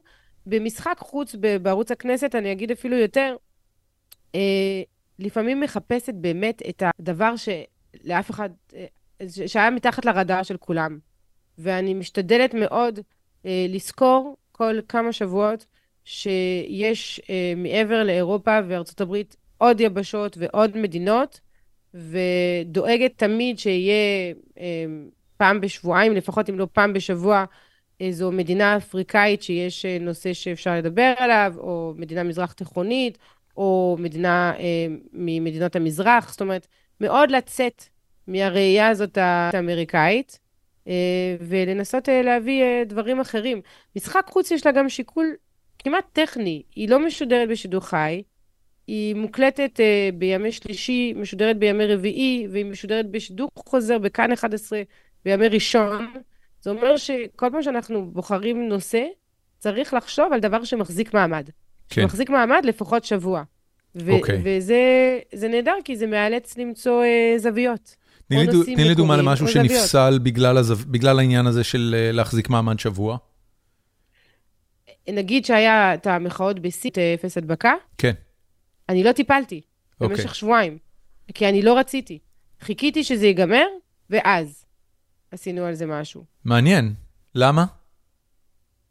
כי אני מקליטה ביום שלישי, אני לא יודעת אם ביום שני בערב יראו במפגינים, או ביום שלישי, או סליחה, שבין שלישי לרביעי מהרגע שאני הקלטתי לרגע שזה משודר, או עד יום ראשון אה, אחרי זה בכאן 11, יראו במפגינים, ואז כל השיחה שלי על הדיכוי הפסיבי של הרשויות הוא כבר לא רלוונטי.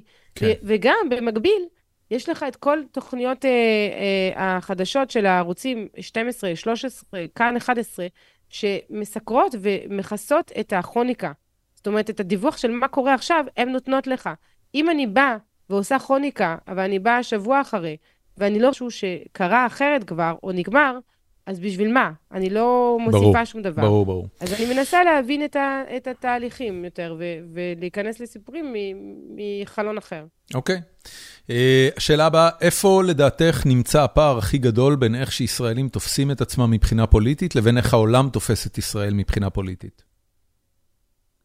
Mm. אמ, שאלה מעניינת. אמ, השאלה אם זה מתייחס למה שקורה עכשיו במדינה. אני אגיד כן, ככה. כן, התשובה היא כן. כן, זה מתייחס למה שקורה עכשיו. אמ, אני רואה את כמות הפושים והידיעות שנכתבות על ישראל ועל הרפורמה המשפטית, והמילים uh, far right uh, שמופיעות uh, בכותרות, וזה לא נראה טוב. זאת אומרת, כי עובדתית אין איך אחרת לסקר את זה. זאת אומרת, אני חושבת, ש...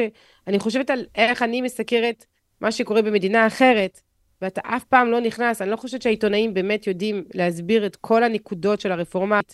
אה, הנה, זה מעניין, מחר מראיינים אותי, מאוד מואזן, אה, וביקשו שאני אדבר על המחאות, כי לא מבינים כל כך. אבל, אבל זה בדיוק העניין, את, את, את בדיוק אמרת את זה. הסיקור הוא לא על הרפורמה המשפטית, הסיקור הוא על המחאות. זאת אומרת, המחאות מזמנות את הסיקור הבינלאומי. זה ששר משפטים אה, מכריז על רפורמה במערכת, במערכת המשפט, זה לא סיפור. למי אה, אכפת כן ממערכת... לא, לא, זה, זה, כן, זה כן זימן, זה כן זימן, עוד לפני שהממשלה הושבעה, התחילו ככה טפטופים של כתבות, ברגע שהייתה השבעת הממשלה, בגלל הדמויות שנמצא, שנמצאות בתוך הממשלה, הומופוב מוצר, ואנשים שהורשעו בפלילים, אז זה גרם אה, אוקיי, את אומרת, ההתנהלות של חברי הכנסת של נועם, הופכת את הרפורמה המשפטית למשהו אחר, למשהו אה, אה, שמתחיל להיות סיפור של ימין קיצוני? לא. אני אומרת שהעין של התקשורת הבינלאומית הייתה על ישראל. אוקיי. מרגע הבחירות. הבנתי. והם כן סיקרו את ההרכב של הממשלה, קודם כל. ואז הגיעה הרפורמה. עכשיו, עיתונאים שנמצאים בארץ ועובדים אה, כלי תקשורת אה, בחו"ל, כן נכנסים לעומק העניין ומנסים ללמוד אותו, ו- ומבינים שיש סיפור לספר אותו. כמובן שהמחאות זה דבר שגורם ל- ל- להרבה מאוד אה, כלי תקשורת להצטרף. זה מצטלם מעולה. כן, כן, זה אחלה פוטאג'. כן, אבל אני אגיד, אני חושבת שקרו דברים בשנה האחרונה בישראל, אמ, שלא תמיד, לדעתי, אנחנו הבנו את הגודל שלהם או את החשיבות שלהם ברמה הבינלאומית, ולא הבנו כמה כמה זה תופס בחוץ. Uh, המוות של שירין אבו עקלה. Uh, זה, זה, זה, זה סיפור שאנחנו, אני אומרת בצער גדול, אבל מאוד. ניסינו, ניסינו לנפנף. כן. ו- ו- ו- ו- ולעבור הלאה, בסדר, קרה, uh, קורה. זה לא עבר בנפנוף בחו"ל, בשום מקום בעולם. זה, זה דבר שבאמת, באמת, באמת העסיק את העיתונות ותפס כותרות הרבה מאוד זמן, וזה שם שם אה, פרשת אה, NSO ופגסוס. אנחנו לא הבנו בישראל את הנזק ואת הגודל של העיסוק התקשורתי והדיפלומטי שזה הוביל בעולם. ואני חושבת שהדברים האלה, אנחנו לא תמיד... אה, מבינים כמה בעצם... הבאת פה שתי דוגמאות מעולות, ואני רק אשאל אותך, האם העובדה שהתקשורת הישראלית החמיצה במידה רבה את סיקור שני הסיפורים האלה, נובע משינוי בסטנדרטים העיתונאיים. בסופו של דבר, גם חדשות זה רייטינג, אנשים רוצים לשמוע חדשות שנעים להם לשמוע. התקשורת הישראלית לא נהנית לספר סיפורים שלא מחמיאים לישראל. יודע מזה, האם זה מה שמכנים התקרנפות של התקשורת הישראלית? אני לא חושבת.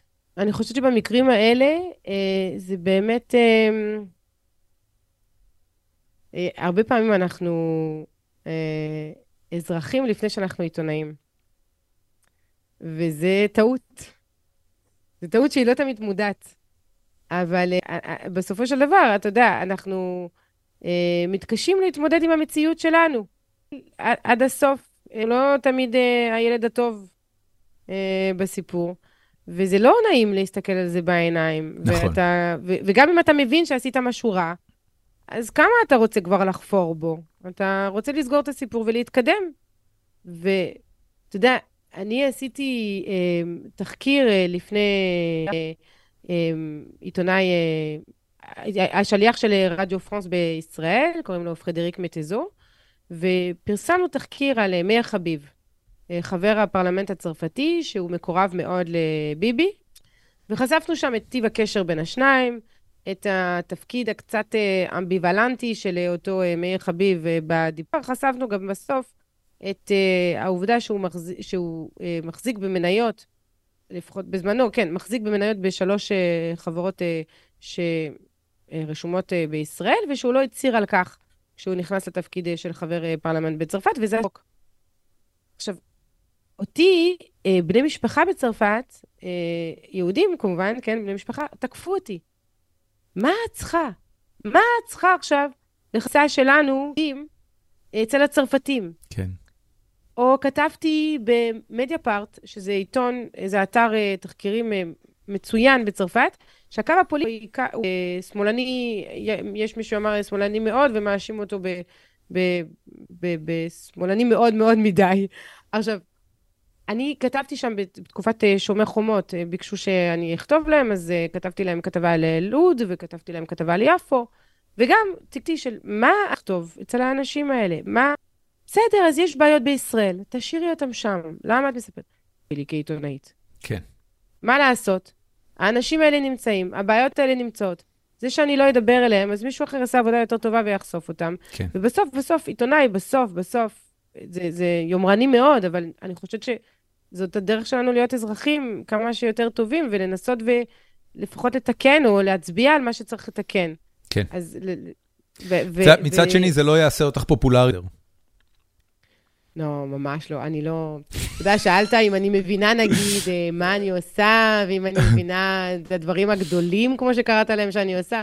אני חושבת שאחד הדברים שמאפשר לי אה, לא לעוף על עצמי, זה היחס של הסביבה הקרובה. אני חושב שאת צריכה לעוף על עצמך. לא. תקשיבי, אני, אני, אני ראיתי אנשים אה, בחיים שלי שעפו על עצמם הרבה הרבה הרבה יותר ממה שמגיע להם, וזה תמיד השתלם להם. שוב, אני אומר, השאלה היא למה את מכוונת. אם את מכוונת לאינטגריטי, זאת אומרת, לעניין כזה שאת קמה בבוקר ואת אומרת, אני מי שאני, טוב לי מי שאני, לא יותר מדי גבוה, לא יותר מדי נמוך, טוב לי, אז זה דבר אחד, תעשי מה שאת צריכה. ו... אבל אם למשל את מכוונת לפרסום, או לקריירה בעיתונות, אה, תעופה עצמית מאוד מועילה לאנשים ש... ש... שמשתמשים בה.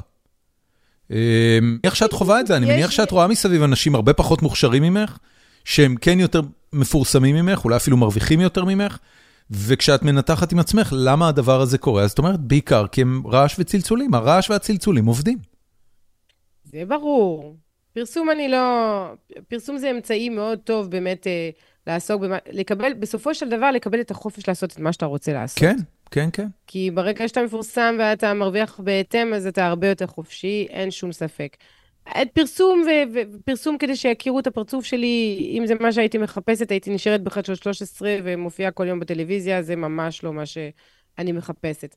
לא, אני מדברת לעוף על עצמך אתה יודע, אני, אני אשים לינק של הפודקאסט הזה עם, ברשתות החברתיות, כן? אני אעוף שם על עצמי. אז מעולה. אבל, אני מדברת על לעוף על עצמי במובן של, אתה יודע, עדיין להישאר עם רגליים על הקרקע. כן, אני, אני מבין את החשש מה, מה, מתחושת הניתוק הזאת. אני רוצה להמשיך עם שאלות, אין, אין עוד הרבה, אבל, אבל, אבל טובות. חן מור, אני לא יודע אם זה גבר או אישה, זה גבר, שואל, למה את חושבת שהיה פער ענק בין הסיקור של המלחמה למלחמה באתיופיה? זה קרה באותו זמן, באתיופיה נהרגו חצי מיליון ובאוקראינה בקושי עשירית מזה. גזענות? אני יכולה לתת הסבר מלומד ויפה ולדבר על זה שבכל זאת מדובר על אירופה ועל היבשת ועל האיחוד האירופי ו- וזה, אבל גם צריך לומר ביושרה שיש לבנים ויש שחורים. כן. השאלה הבאה שלו, למה בצרפת מכנים רק את כהי העור כבני מהגרים? אני לא יודע אם זה נכון. למשל, בנבחרת צרפת, גם גריזמן וגם נכון. פוגבה, פוגבה, פוגבה, פוגבה, בני מהגרים, אף פעם לא יגידו שגריזמן בן מהגרים, אפילו את שנולדת בצרפת, בת של מהגרים. זה מדהים, זה, אתה יודע, מי שאל את זה? חן מור.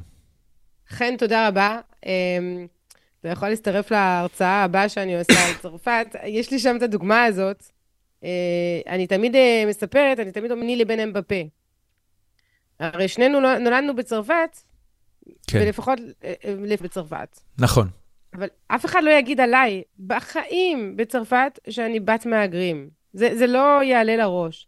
ואת אמבפה בן מהגר. אז עכשיו אני חושבת שקודם כל צריך להבין שזה לאו דווקא... אה, המונח שהצרפתים משתמשים בו לגבי אמבפה, אלא האנשים שמחוץ לצרפת, הישראלים למשל. אין מונדיאל שבו לא ניגש אליי מישהו ואומר לי, פה בישראל, מה זה, זה נבחרת של מהגרים. עכשיו, זה שיח שלא קיים בצרפת, לא קיים חוגים של הימין הקיצוני. אם הנבחרת הייתה מפסידה בהפסדים אה, צורמים, יכול להיות שהיו מתחילים אה, לחפש ולדבר על זה, אני לא יודעת. אבל באמת, זה, זה שיח, השיח הזה הוא פשוט גזעני, והוא לא קיים בצרפת, ואין את הקושי הזה בתוך רואות אה, שחורים או שחומי עור בתור צרפתים. זה שלנו, מחוץ לצרפת, קצת קשה לנו, ואנחנו מצפים שאנחנו חושבים על צרפתים, אז זו הבעיה שלנו, זו הבעיה של הישראלים, זה לא כן. בעיה של, אה, של הצרפתים. עשיתי על זה פינה לפני המון שנים אצל אה, ירון לונדון, אני זוכרת, אז הוא אמר לי, מה, את טוענת שהישראלים גזענים? אח, לונדון. כן, כן. איזה ממתק האיש הזה. אמ, מיכאל פסין שואל, אה, האם לדעתך טוויטר אה, משפיע על העיתונאים ועל תוכן השידורים, בכך שמה ש trending הופך להיות newsworthy, זאת אומרת, במידה מסוימת בגלל... כל כך. כן, את מאמינה בזה? אני יכול, אני, יש לי דוגמאות. קדימה. ואני אגיד לך יותר מזה, אני לא יודעת אם זה trending. אני לא יודעת אם עורכי חדשות נכנסים אה, לקטגוריית טרנד, אבל יש, אתה יכול בוודאות לזהות אייטמים שראית, ציוצים שהפכו לאייטמים. כן, חד כן? משמעית. כי כל הברנדה... פוסטים שהם אייטמים, זאת אומרת, בטח. כל הזמן, נכון, כל הזמן אתה אומר, הרי, מה, מה, במה, ו, ו, ובזה התוכנית של גיא זוהר היא, היא מאוד מאוד טובה. Uh, הרבה פעמים במערכת, אני זוכרת uh, דיונים על אייטם, האם זה אייטם, האם זה אייטם, האם זה אייטם. זאת אומרת, איפה זה היה? כי אם זה היה רק בטוויטר, זה לא קיים. ויש שם באמת מדיניות שלא היה בטלוויזיה, לא היה ברדיו, הוא לא קיים. זה שכל העיתונאים במדינה נחשפו אליו, כל עוד זה נשאר בטוויטר, זה לא קיים. כי זה אומר שהבן זוג שלי לא נחשף לדבר הזה, זה אומר שההורים שלי לא נחשפו לדבר הזה, זה אומר שהשכן שלי לא נחשף לדבר הזה. לא כל המדינה בטוויטר. הרבה okay. אוקיי. יותר אנשים מפעם, אבל לא כל המדינה. אבל מה? כל הברנצ'ה, כל העיתונאים, כל המקצוע, okay. כן. כן בטוויטר. ואז, אני אחשוף פה, אני זוכרת שבחדשות 13, לא זוכרת, הייתה תקופה שנגיד, אה, אה, אם רציתי שאייטם ייכנס למהדורה, אז הייתי כותבת עליו ציוץ טוב. נגיד... את, את יודעת לעשות ציוץ טוב מול ציוץ לא טוב? סתם ציוץ, נגיד retweet לא מעניין, לא טוב, okay. אוקיי. אבל אני רציתי לעשות, בתחילת הקורונה, רציתי לעשות כתבה על איזה חוקר שהתברר די שרלטן אה, בצרפת, אה, ראולט, אה, שטען שהתרופה שלה, איך קראו לתרופה הזאת שטראמפ לקח? הידרוקסיקלורוקלין. קלורוקווין. הידרוקסיקלורוקווין, שזה עובד, וזה, אז הוא אחד מהראשונים שדח בצרפת, ועשה, ופרופסור בבית, בבית חולים במרסיי. ורציתי מאוד לעשות כתבה עליו, כי, כי הוא היה מאוד צבעוני, מאוד מעניין, והוא תפס המון כותרות שם. וידעתי שאם אני אלך לדבר על העורך על הדבר הזה, אין סיכוי. ואז כתבתי את הסיפור עם תמונות, ועם זה עשיתי שרשור בטוויטר. וזה שרשור שתפס, יחסית. אז העורך ביקש ממני כתבה על זה, הוא אמר לי, הוא כזה התקשר אליי, אמר לי, בואנה, זה... בוא נעשה כתבה על זה, זה נורא מעניין. זה התפוצץ בטוויטר, הנה רעיון מעולה לאייטם. זהו, אמרתי, אה, כן, אתה חושב? תקשיבי, זה... כל המטרה הייתה שזה יהיה טוויט, שזה יהיה כתבה. זה מוביל אותי יפה לשאלה אחרי פסין, שבו הוא כותב, אה, בספרו Trust Me I'm Lying של ריין הולידיי, הוא מתאר איך הוא היה מנצל את שרשרת החדשות שמתחילה בבלוגרים, ממשיכה למשפיענים בטוויטר ומגיעה עד לערוצי החדשות המרכזיים בשביל תעמולה לחברות שעבד בהם. אה, מעבר למה שתיארת רגע, שהוא פר אקסלנס דוגמה כזאת, אבל הוא דוגמה לעיתונאי שרוצה לסקר תקשורתית משהו, האם אה, אלה שהגיעו לחדשות בגלל גורמים מסחריים דווקא? אה, תראה, גורמים מסחריים יש לך בחדשות, כי יש לך גם הרבה עבודת יח"צ. אוקיי. אה, אתה יודע, נגיד, אה, לא יודעת מה, חברה שרוצה לקדם משהו, אה, מיזם חדשה, אפילו מיזם חדש של גוגל, זה ימצא את עצמו ב, ב, איכשהו ב, במהדורה, אם, אם הסיפור הוא מספיק אה, טוב אה, לכתבה, אבל זה לגמרי יח"צ. אגב, אתה, בשנים האחרונות, מה שאנחנו גם, כאילו, אתה, אתה מוצא הרבה יותר... זה, זה לא, זה, אבל זה לא, זה לא יגיע לעשר דקות הראשונות, זה לא ייתפס כ-hard news, זה ייתפס כ-soft news, לא. אני מניח. אה, אתה אומר אם, אני, אם אפשר לזהות בעצם uh, uh, hard news שמגיע לחדשות שהוא בעצם בא לקדם אינטרסים של מישהו. כן. Um, אני לא רוצה להיות תמימה ולהגיד שאין, אני בטוחה שיש, ואני אפילו אה, חושבת שיש מי שיכול לטעון שנגיד עכשיו עם ההפגנה, עם המחאות, אפשר, יש מי שיטען שיש שם אינטרסים כלכליים מאחוריו וכאלה. אני מאוד, אני עדיין חושבת ש... תראה, עורכי מהדורה בסופו של דבר, ב...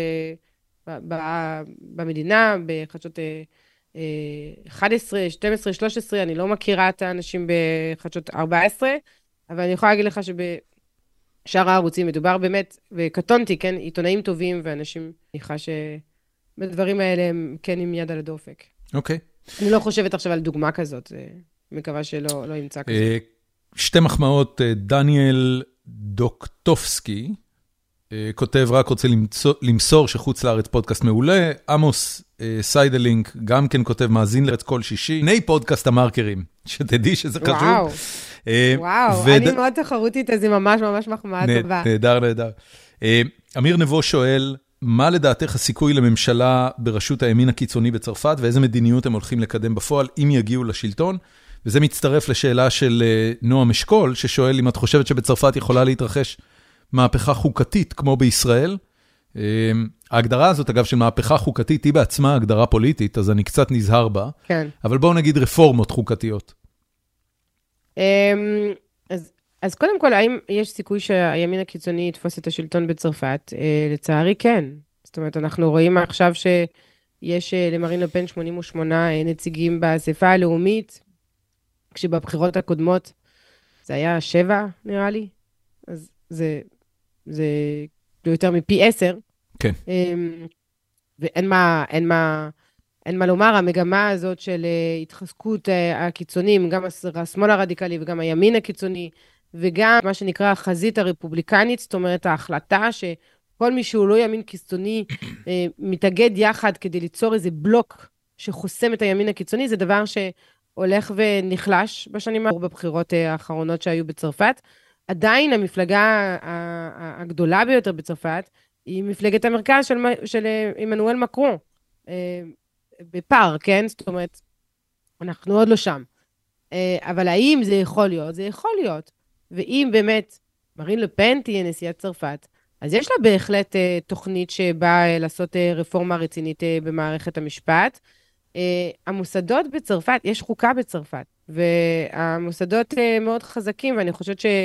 אה, לעשות אה, שינויים אה, דרסטיים או מהירים, או הרבה שינויים, כמו שאנחנו רואים ברפורמה של השר לוין כרגע, שמדובר לא רק בפסקת ההתגברות, או במינוי שופטים, ביטול עילת הסבירות, אלא בזה וזה וזה וזה וזה וזה וזה, וככה בעצם צריך להתייחס לעניין הזה, מכלול, אי אפשר... זה פשוט לא נכון לא לדבר על זה כמכלול. אז אני חושבת שאפשרות כזאת של מכלול בצרפת היא מאוד מאוד רחוקה, זה לא יעבור. תראה, אתה רואה מה קורה עכשיו ב, בימים האלה בצרפת? יש רפורמת הפנסיות. זו תוכנית שנמצאת אצל מקרון מ-2017, מהיום הראשון של הכהונה שלו, כל הזמן דחה את זה כי הוא ידע שזה יהיה קשה, ואז הייתה קורונה וזה, ועכשיו הוא חוזר עם רפורמת הפנסיות בנוסח קצת שונה ממה שהוא רצה, ובגדול זה אומר שגיל הפרישה יעבור מגיל 62 עד גיל 64, זה יקרה באופן הדרגתי ולא עכשיו באופן מיידי. כל צרפת הושבתה בשבוע האחרון. איגודי עובדים מזה 12 שנה התאחדו כאיגוד אחד. זה דבר שלא קרה 12 שנה בצרפת, כדי להגיד לא לרפורמה הזאת, לא בנוסח הזה, שביתה כללית. אז ואנחנו מדברים רק על שינוי של רק על uh, פנסיה. כן, כמובן שיש לזה השלכות כלכליות לאנשים, כמה הם צריכים להפריש וכמה שנים הם צריכים להפריש, מי עובד יותר ומי עובד פחות, ולמה אנחנו לא לוקחים את הכסף הזה מהתאגידים הגדולים בעצם. זאת אומרת, יש לזה השלכות, אבל זה כדי להגיד שבעצם הצרפתים, וזה קצת גם היה ככה באפודים הצהובים והשינוי הדלק, בסוף הצרפתים, מה שיש להם בידיים, הם לא מוכנים לוותר עליו. כן. אה, אז, אז אה, לבוא ושמשטר חדש יבוא ויעשה להם שינוי דרסטי, אה, זה לא יקרה מהיום למחר.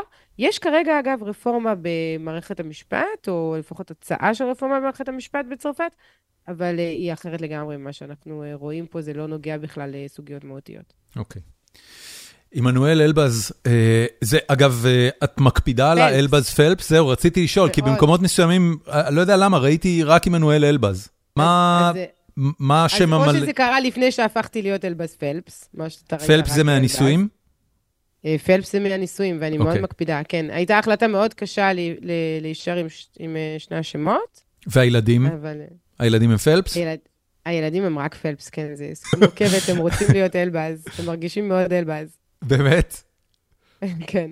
רגע, הם רוצים גם פלפס, אבל הם מרגישים מאוד אלבז. פלפס, מה מקור השם פלפס? זה... הוא אמריקאי. אה, אוקיי. המקור, הוא אמריקאי יהודי? הוא סקוטי, אה, לא מהצד של אבא, מהצד של אימא. פלפס זה לא שם יהודי. אוקיי, אוקיי. זאת אומרת, עכשיו זה כן. עכשיו כן, עכשיו יש ילדים שהם פלפס והם יהודים.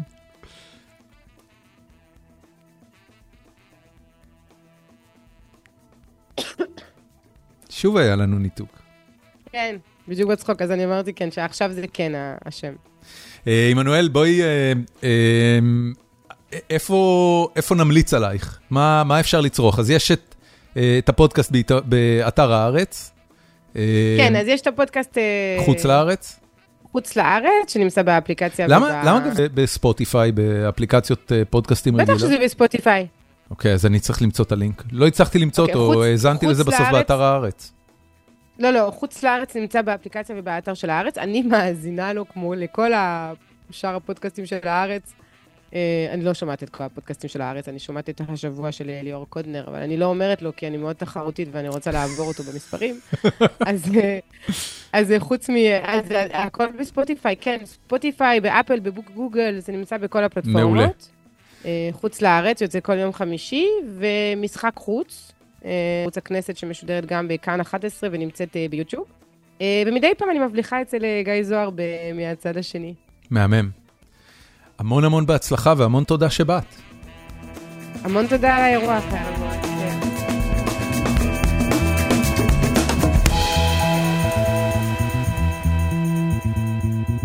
ועד כאן הפרק. אה, איזה שיחה כיפית זאת הייתה בשבילי. אני לא יודע אם אה, המאזינים אה, שלנו יודעים, אבל לי הייתה נקודה בחיים שהיה לי כזה צומת קבלת החלטות והייתי צריך להחליט אם ללכת לעיתונות או לא.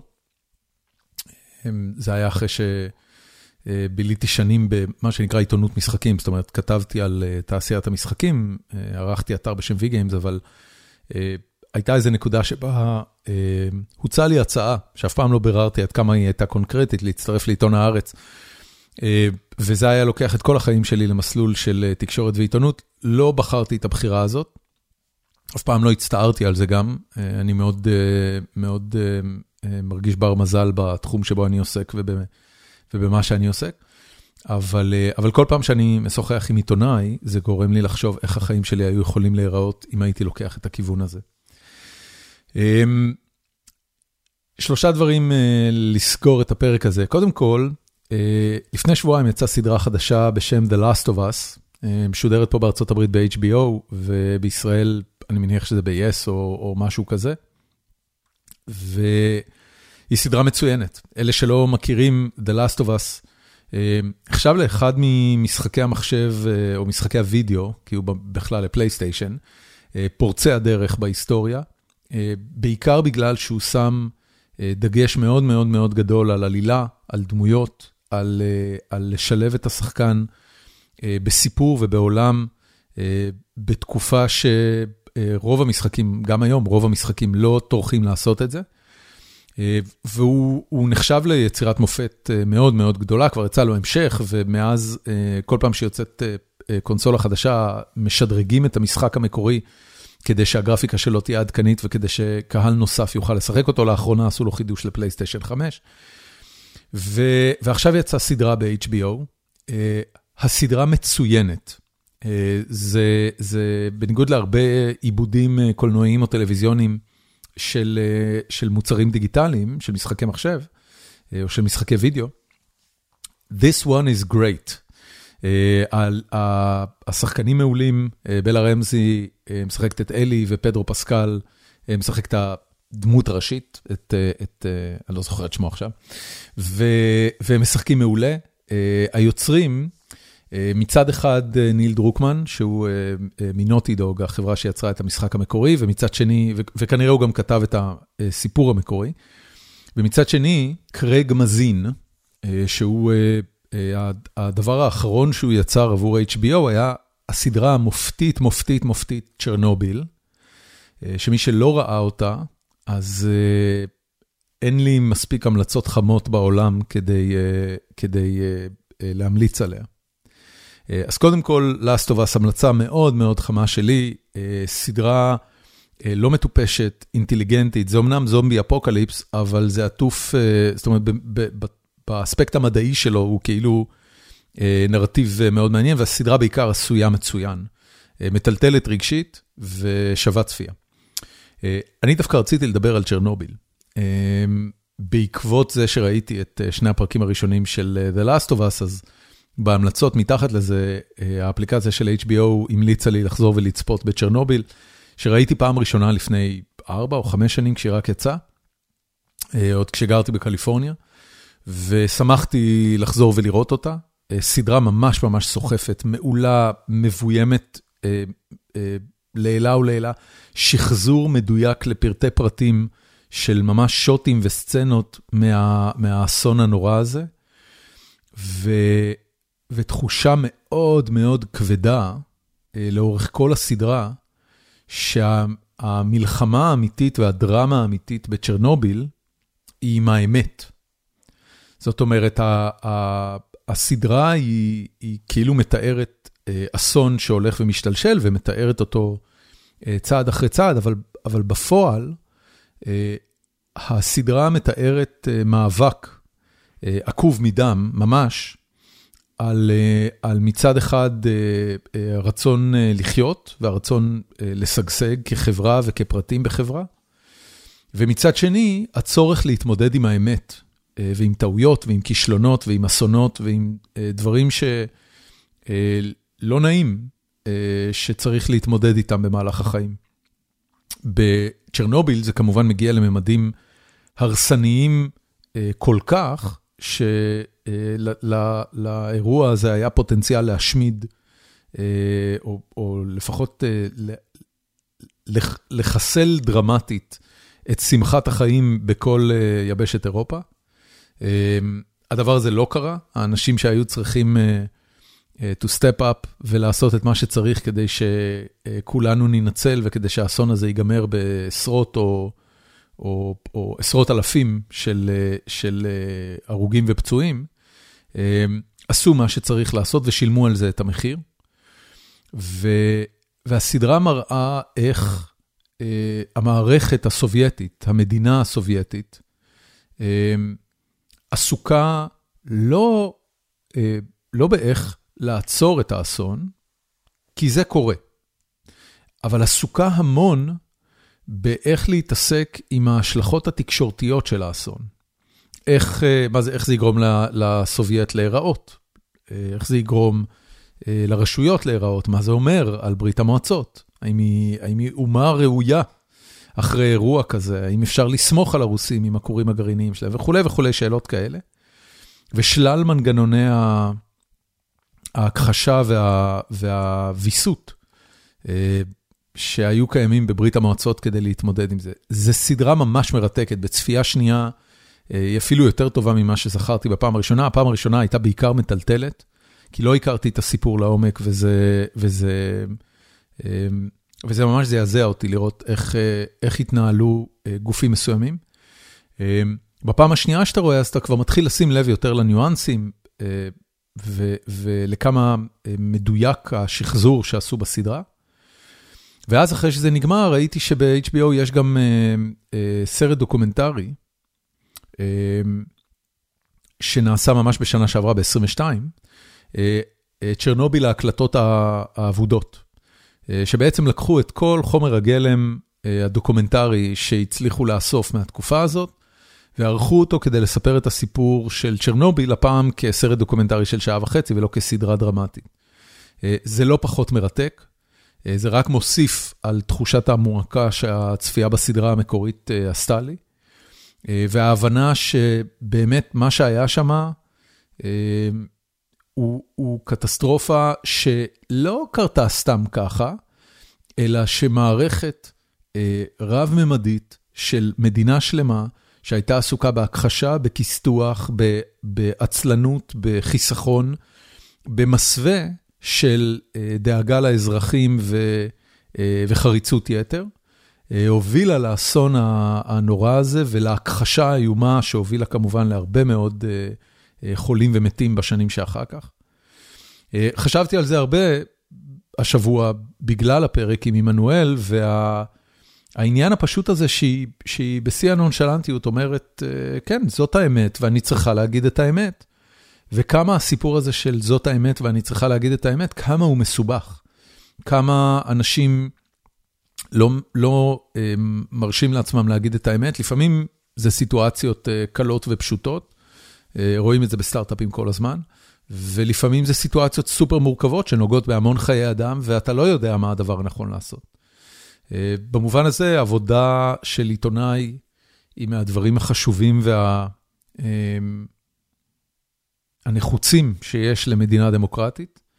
ואם יש איזושהי חרטה קטנה שלי במקום הזה שבו לא הלכתי לעיתונות, זה שבחיים שלי היום אני לא, אני לא אביר של האמת העיתונאית, של סיקור, של הבאת דברים לידיעת הציבור, באופן הזה. אני קצת מנסה לעשות את זה פה בגיקונומי, וזה בוודאי נחמד לעשות את זה נטול משיקולים מסחריים, אבל... זה לא מתקרב לדברים הבאמת גדולים שעיתונאים טובים עושים היום בישראל. אז הנה, לחיי העיתונאים. תודה רבה שהאזנתם לי, ונתראה בפרק הבא.